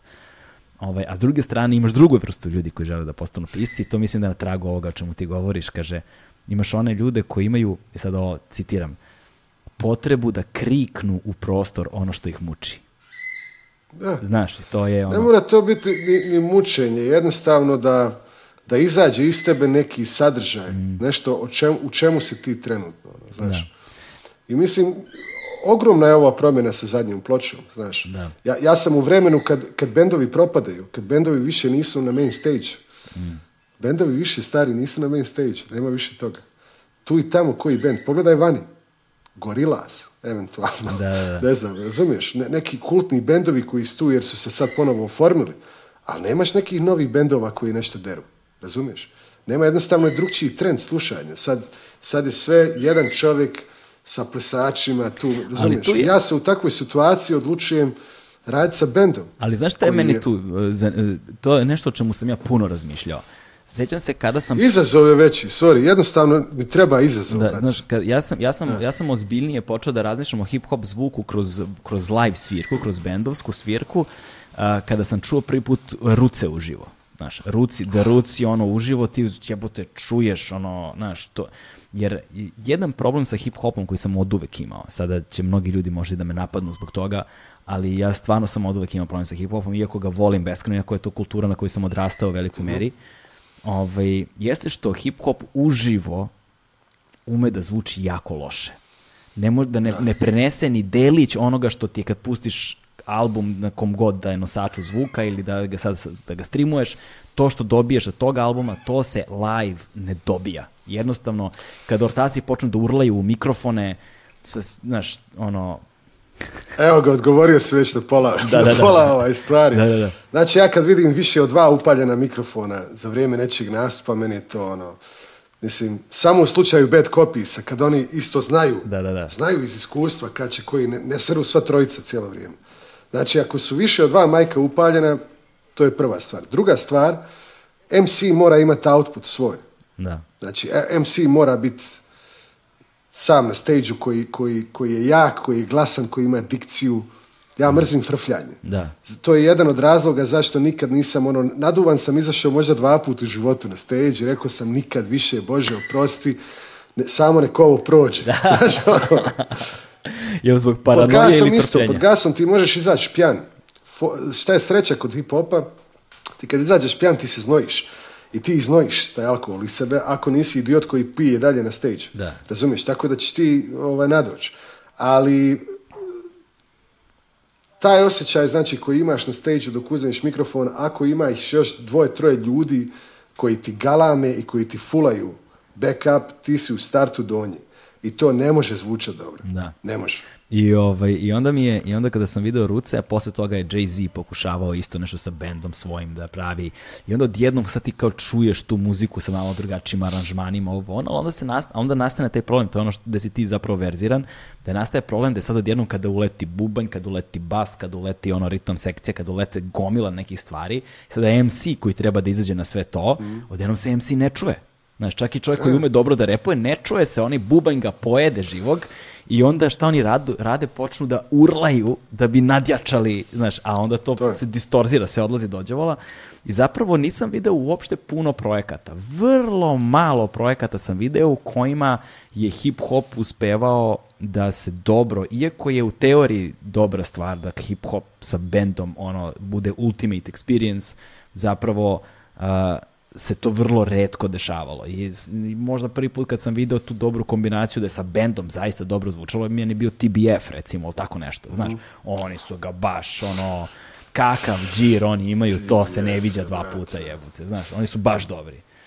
TBF je uživo, baš ono, play i to je to, brate. Znači, ono, i to je... nevjerovatni su. I onda, i, onda, I onda zapravo ti kada si počeo da radiš, ono što mi se svidelo, što TBF recimo nema, jeste što kod tebe se na live onda vidi taj ono punk upbringing, znaš. Znači, Moraš to imati ako radiš sa bendom, mislim. Ne mora to biti punk upbringing, da. Da, ne mora to biti punk, ali, mora biti neki izvođački, mora se vidi da si ti dostojan tog gitariste. Hmm. Recimo, postoji jedna stvar s kojom ću u svom jednom podcastu, jedva čekam, pričati sa, sa, sa Branom iz Dubioze, mm -hmm. znaš i sa ljudima koji imaju nevjerovatne nastupe, koji su ono, točno se zna di si i šta si sa nastupom. Točno se zna. Ti ljudi sviraju čoveče stotine i stotine koncerata. Mislim, ti ne možeš doći i freestylet na tom koncertu. Ti ne možeš doći na svaki od tih koncerata sad imati drugčiju set listu. I takve stvari. To je mrak, ali ja, ja imam jednu drugu stvar koja mene recimo pali. Mene pali kad imam ljude kojima vjerujem na stage kad, kad je u pitanju bend, i koji vole freestyle Koji vole freestyle na bilo čemu. Ja to fakat volim. kako, se zvao ja beše, volim... kako se zvao beše band Dina Dvornika, to su ubice bile, oni su freestyle. U, Song Killers.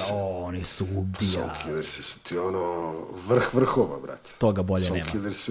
Mislim, i dan danas oni izbacuju svoje stvari, samo što Bane djeluje Bane Pjevač djeluje pod, pod imenom Song Killers, ali, ali ono je bio nevjerovatan bend. Da. Uglavnom, kad imaš odličan bend, taj, taj neki live session, live moment, ako možeš ubaciti u, u stage, recimo, to, to mene ispunjava. Mm. Fakat me ispunjava. Ispunjava me više od, od, od toga u kakvom sam prostoru, šta je ovo, šta je ono, kako publika reaguje, jer kažem ti ono, na kraju krajeva ti si s tim bendom i vi se osjećate cijelo vrijeme i Znaš ono, Još jedna stvar, još jedna stvar koja mi je od smetala kod, e, ne oduvek smetala, nego šta mi na, šta, šta, šta recimo bude kontraefekat strašan kada, kada je hip hop e, u pitanju, kada su živi nastupi u pitanju, jeste što MC kada izađe, ok, ajde, MC je san, možda sa još jednim ono back vokalom da ga prati to, jel te, i DJ-em iza, ali tu postoji sada ogroman problem, posebno kad je velika bina. Zato što ti sada imaš dvojcu likova ili jednog na ogromnoj bini. Ok, flow je dobar, delivery je dobar, vokal je sve dobro, ali te, bra, ti moraš da ispuniš tu binu. Ne smije da te pojede. Ti moraš da imaš to kako ljudi zovu stage presence. Znači, tu moraš da imaš tu pojavu na bini da i levo, i desno, i centar, i da utilišeš, i da se krećeš, i da, i da, da pokazuješ ne da je prostor preveliki za tebe, nego da je možda premali za tebe, da pojedeš tu binu, razumeš, sve za, da, i toliko veliki broj repera je ono, na velikim binama samo splasnuo, znaš, samo ih pojede taj, taj, taj backdrop, sa bendom je mnogo jednostavnije, jer bend onda zauzme tu binu i tu si, ali... E, Gle, ja mislim, ja mislim da on ne mora sad izvođač skakat po da, tom stage. Ja, ja ne tražim od repera da je on svugdje. Da. Već jednostavno to ja mislim do, do njegove energije, brati, do hype mm. Mislim, jedan od ljudi kojeg ja kad vidim, kad god vidim na stage jednostavno kleknem, je KRS-One. Znači. KRS-One, on kad izađe, ja sam ga u Ljubljani gledao, brate. Znači, ono, on ne mora ni skakat. KRS je na jednom mjestu i on ovo kad napravi, on to živi, buraz, on ne mogu, ne znam ni ja, i dalje pokušavam skontat kako to funkcionira, na kojim razinama i, i taj, taj stage presence koncert. Gledao sam i Jay-Z-a, razumiješ? Znači, Jay-Z može stajati u čošku, u čošku stage i sve radi, buraz. Da. Sve i dalje funkcionira. Tu je, ali ga nema na stage, da. razumiješ? Ali tu i publika donosi svoje očekivanja, znaš? Da, ono, jer, da. to, jer ti... to je... To je neka razmjena između publike i kontaš izvođača. Ti ljudi su sinonimi za hip-hop, znaš, posebno KRS-One, on je ono knowledge rule supreme, on je, on je, on je the man jebote, razumeš, hip hop danas koji poznajemo ne bi postojao da nije bilo Keres One, on je to pretvorio u filozofiju, on je to pretvorio u učenjaštvo, on je to pretvorio u kulturu koja nosi težinu i značenje ono jedne represivne zajednice, jedne zajednice koja je živala ono vekovima u represiji u Sjedinjim američkim državama, znaš, to su ljudi bez kojih, znaš, mi smo na rimama Keresvana ono formirali svoje mišljenja jebote, znaš, svoje kulturne identitete, znaš. On je bio jedan od Totalni učitelj. Da, znači. on, on je Yoda, on je Yoda. Keres, da. on je Yoda, jebeni, razumeš? I onda on kad se pojavi, ne mora, on je dovoljno što je tu. Činjenica da je tu i da delite prostoriju zajedno, tebi već dovoljno. Tebi već dovoljno. Ja sam to imao sa toliko velikim brojem izvođača da, ono, kada bih počeo da nabrajam, razumeš, ne bih danas bio čovjek koji jesam da nije bilo nekih koncerata na kojima sam bio ja sam, brate, nikad neću zaboraviti kad sam vidio u backstage u Austriji Ramštajna. Ja, ich ne Ja kad sam njih vidio u backstage mislim, ne. meni je to bio doživljaj, brate. Likovi koji su ono veći od mene za pola glave, za glavu, koji idu po grah, ono, naš, jedu savršeno izorganizirano sve, ono, s njima je, jedno 20 ljudi isto obučeni kao oni u nekim, nekom crnilu koji su komravi, ono. Kolajbah. yeah. Kolajbah. Ov... Mislim, oni jesu, oni jesu uzeli od Lajbaha puno stvari. Oni, on, oni ne kriju to. Da. I nije im to problem, ono. Da. Razumiješ? Samo što su oni toliko toga više još. Mm. Tako da to niko ne gleda. Inače, ovaj, insajderska informacija, članovi Ramština su često u Beogradu u posljednje vreme. Ovaj, da, pa mnoge zapravo um, uh, velike zvezde tog tipa, znaš, da li u filmskoj industriji, da li u muzičkoj industriji, ovako ili onako, dolaze ovde u posljednje vreme, zato što zbog razvijenja tehnologije, jer te, jel te i naš tehnologije iz povezivanja globalnog, uh, sva oprema kojom se radi nešto negde u svetu, sad postoji i ovde, ali ovde je mnogo jeftinije. Znaš, mnogo je jeftinija radna snaga, mnogo... Znam da je onaj, onaj Peterson je bio sad nedavno. Znaš, tako da, da, Jordan Peter, ali da, on se leči da. od lekova, to je, on je, on je došao na, on je, došao na rehabilitaciju, to je druga stvar. To je druga stvar. ali, ovaj, ali ovdje ko stretima i to da se šao, on je malo u tom fazonu, verovatno ali ovaj ali dolaze zato što zato što je zato što su produkcijski uslovi znači dobiju kvalitet koji dobijaju u svojim matičnim zemljama s jedne strane a s druge strane to plate višestruko manje i onda koje god cene ovde da plate njima to i dalje jeftino I, I onda su svi srećni. Ovi što organizuju, što rade, rade za naše uslove po višestruko većim cenama, a oni kad naplate te višestruko veće cene, to je opet daleko jeftinije ovaj, nego kod njih, znaš, i onda, i onda ih imao u posljednje vreme, dosta često dolazi Baš, baš za Ramštin znam da je sada bio jedan njih je snimao neki spot, pre toga je, su radili neke fot, neko fotografisanje za neke kavere, za nešto, tako da neki ljudi koji su mi bili u podcastima su mi pričali da su radili sa njima baš posljednje vreme. Evo, pre nekoliko... Čekaj. Meni su oni vrh, ono. Da, Meni su oni vrh, bez ono. E. I kad sam ih vidio, kažem, tad, mislim, puno bendova sam upoznao i mm. puno pojedinaca sam upoznao i ono, ljudi koji su fakat, što su veći, to su nekako skromniji i, i, i normalniji za pričat ako si ti normalan. Da. ja, e, reci mi, ti nisi normalan. Ovaj, e, sve, sve muzičare ono, to pitam i ljude koji se bave zapravo industrijom zabave u velikoj meri, koja zavisi od e, svega onoga što je ukinuto sada za vreme pandemije kako, brate, živite, ono, kako, kako preživljavaš sad za vreme pandemije, ono, kako se financiraš? Brate, potrošnja mi je užasno malo, to je prva stvar. Potrošnja mi je, ono, sveo sam se na, na ono, na plug-in, znači, punjač, ono, i to je to. Nije, ovaj, prva stvar što Menart mi izašao pravo u susret, moram ti reći, to mi je stara izdavačka kuća, oni su e, našli neke pare u zadnjih 3-4 godine koje su mi trebali dati vezano za izdavanja koja su prodana, pa su mi svojom dobrotom povećali neki postotak i onda su mi dali pare s kojima mogu da platim dugove vezano za to sve. E, na početku sam ti radio neke radionice, imao sam ti radionice za mlade, jer nisam znao u kojem će se smjeru ovo razviti, znaš. Mhm za mlade imao sam radionice za penzionere, što je bilo ono nevjerovatno, znači, nevjerovatno iskustvo. I međutim, to se moralo isto zatvoriti. Onda sam ti radio e, vrlo kratko kod jednog prijatelja koji ti ima ono, kak se dostavu ono, u kuhinji. Ja, ja sam inače kuhar i jako ti dobro kuham zdravu hranu. Ono. I to je trajalo sedmicu dana i onda i on isto morao tako ovaj, zatvoriti jer nismo im, nije imao uspjeha ni na Voltu, ni na ovom, ni na onom. Mislim, Volt funkcionira, ali fazon što ljudi na, od, iz Volta naručuju ono što je provjereno. Da, da, Recimo u Zagrebu imaš 100 burger barova, od tih 100 njih 5, 6 su oni koji najviše radi, ostali jedva preživljavaju i tako dalje. Onda ovaj, jako malo sam zaradio novaca i jedva čekam da ovo sve prođe. i, ne znam šta ti kažem drugo ono, Ove, ovaj, za to. Ovaj, Imam osjećaj da nemam ni jednu, ni ono, ni jedan skill koji se može unovčiti u ovo vrijeme. Bio sam ti nedavno na, snimanju jedne kampanje, radim dosta humanitarnih stvari, mhm. bio sam ti na snimanju jedne kampanje, zove se Stop Hatred, nešto, na internetu i bio sam s nekom ekipom i onda ta ekipa koja je to snimala, njima govorim, gledaj, imam scenarij, imam jako dobar scenarij za neki TV serijal. I to je sve dobro, ja sam s njima pričao, ali to je sve ostvarivo negdje, nekad. znaš.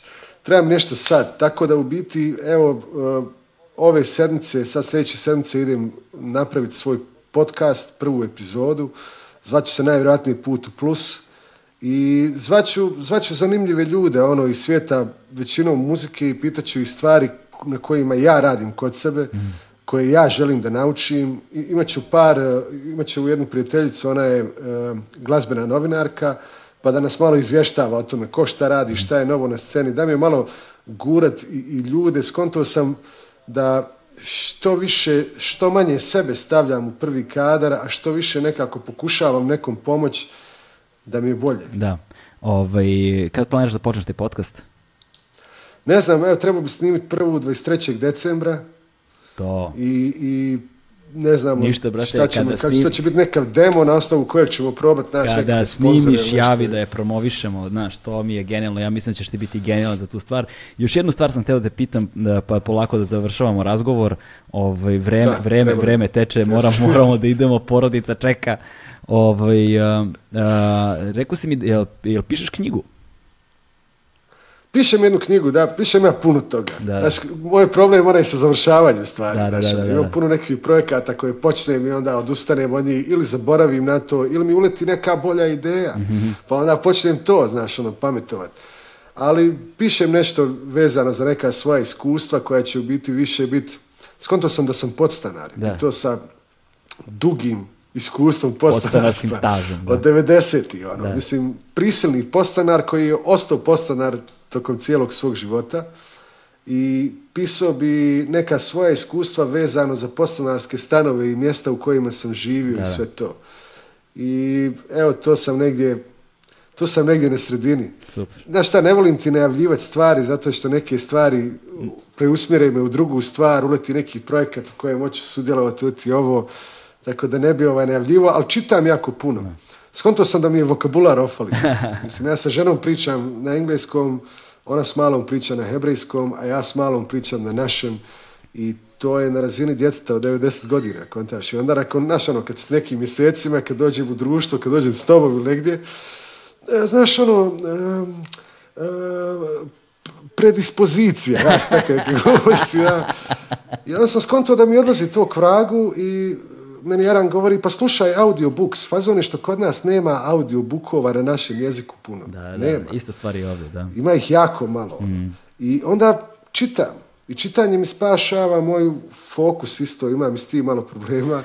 Ovaj, tako da čitam jako Kako uspevaš da čitaš s decom u kući, ono, to je sada... Kad zaspe, kad da, da, nema, isto. Znači, nema druge. Kad zaspe mi dijete, znači, pokušavam je što prije kad zaspe, onda imam taj period od jedno sat i po, dva, ili, ili kad, kad su u školi, znaš, ono, mada kad su u školi ne mogu, onda, onda je dan i onda rješavam stvari sa ljudima koje ne vidim puno, je, koje moram napisati nešto i nešto obaviti. Ipak mora usmira i dana. Ipak mora usmira da. i dana. Iskreno ti kažem da se nadovežem na prošlo pitanju, pitanje. U biti jako malo privređujem, ali radim radim jako puno, brate. Znači, ono, baš s početka, hendlamo svi sve stvari i svi sad pokušavamo naučiti kako da se ponašamo u ovoj situaciji i, nadam se da ćemo uspjeti, da ćemo naučiti nešto i da će se nešto promijeniti kad ova korona prođe, da nam bude neka dobra škola, samo ne želim da bude isto kao prije. Da, evo, samo to ne želim. To svakako neće biti, nema šanse, nikada nije bilo, znaš. E, ovaj, hvala ti puno kućo na vremenu, hvala ti puno na ovom razgovoru, najzad smo uspeli da se nađemo i da snimimo ono, veliko mi je zadovoljstvo, jedva čekam ovo da pustim i da ljudi čuju. Ovaj, e, hvala puno e, na, na, na, na dobroj volji, na vremenu, strpljenju i na saradnji i, ovaj, i nadam se da ćemo čim prođe ovo sranje da se družimo malo i uživo, znaš. Ja isto, stari, znaš šta, ono, jako mi je drago što si počeo sa podcastima, Podcast ti nevjerovatno zvuči, nevjerovatno si elokventan lik, zaslužuješ sve što imaš i imam osjećaj da će tvoj podcast kroz još neko vrijeme rast još više i više i više. Mislim, mislim da zaslužuješ to. Hvala i... ti puno. Hvala, hvala ti. ti, brate, što se me čekao. Hvala ti puno, kuća. Hvala ti puno, ljubi, brat. To je Evo, to. Ulaze smo do kraja. To je to.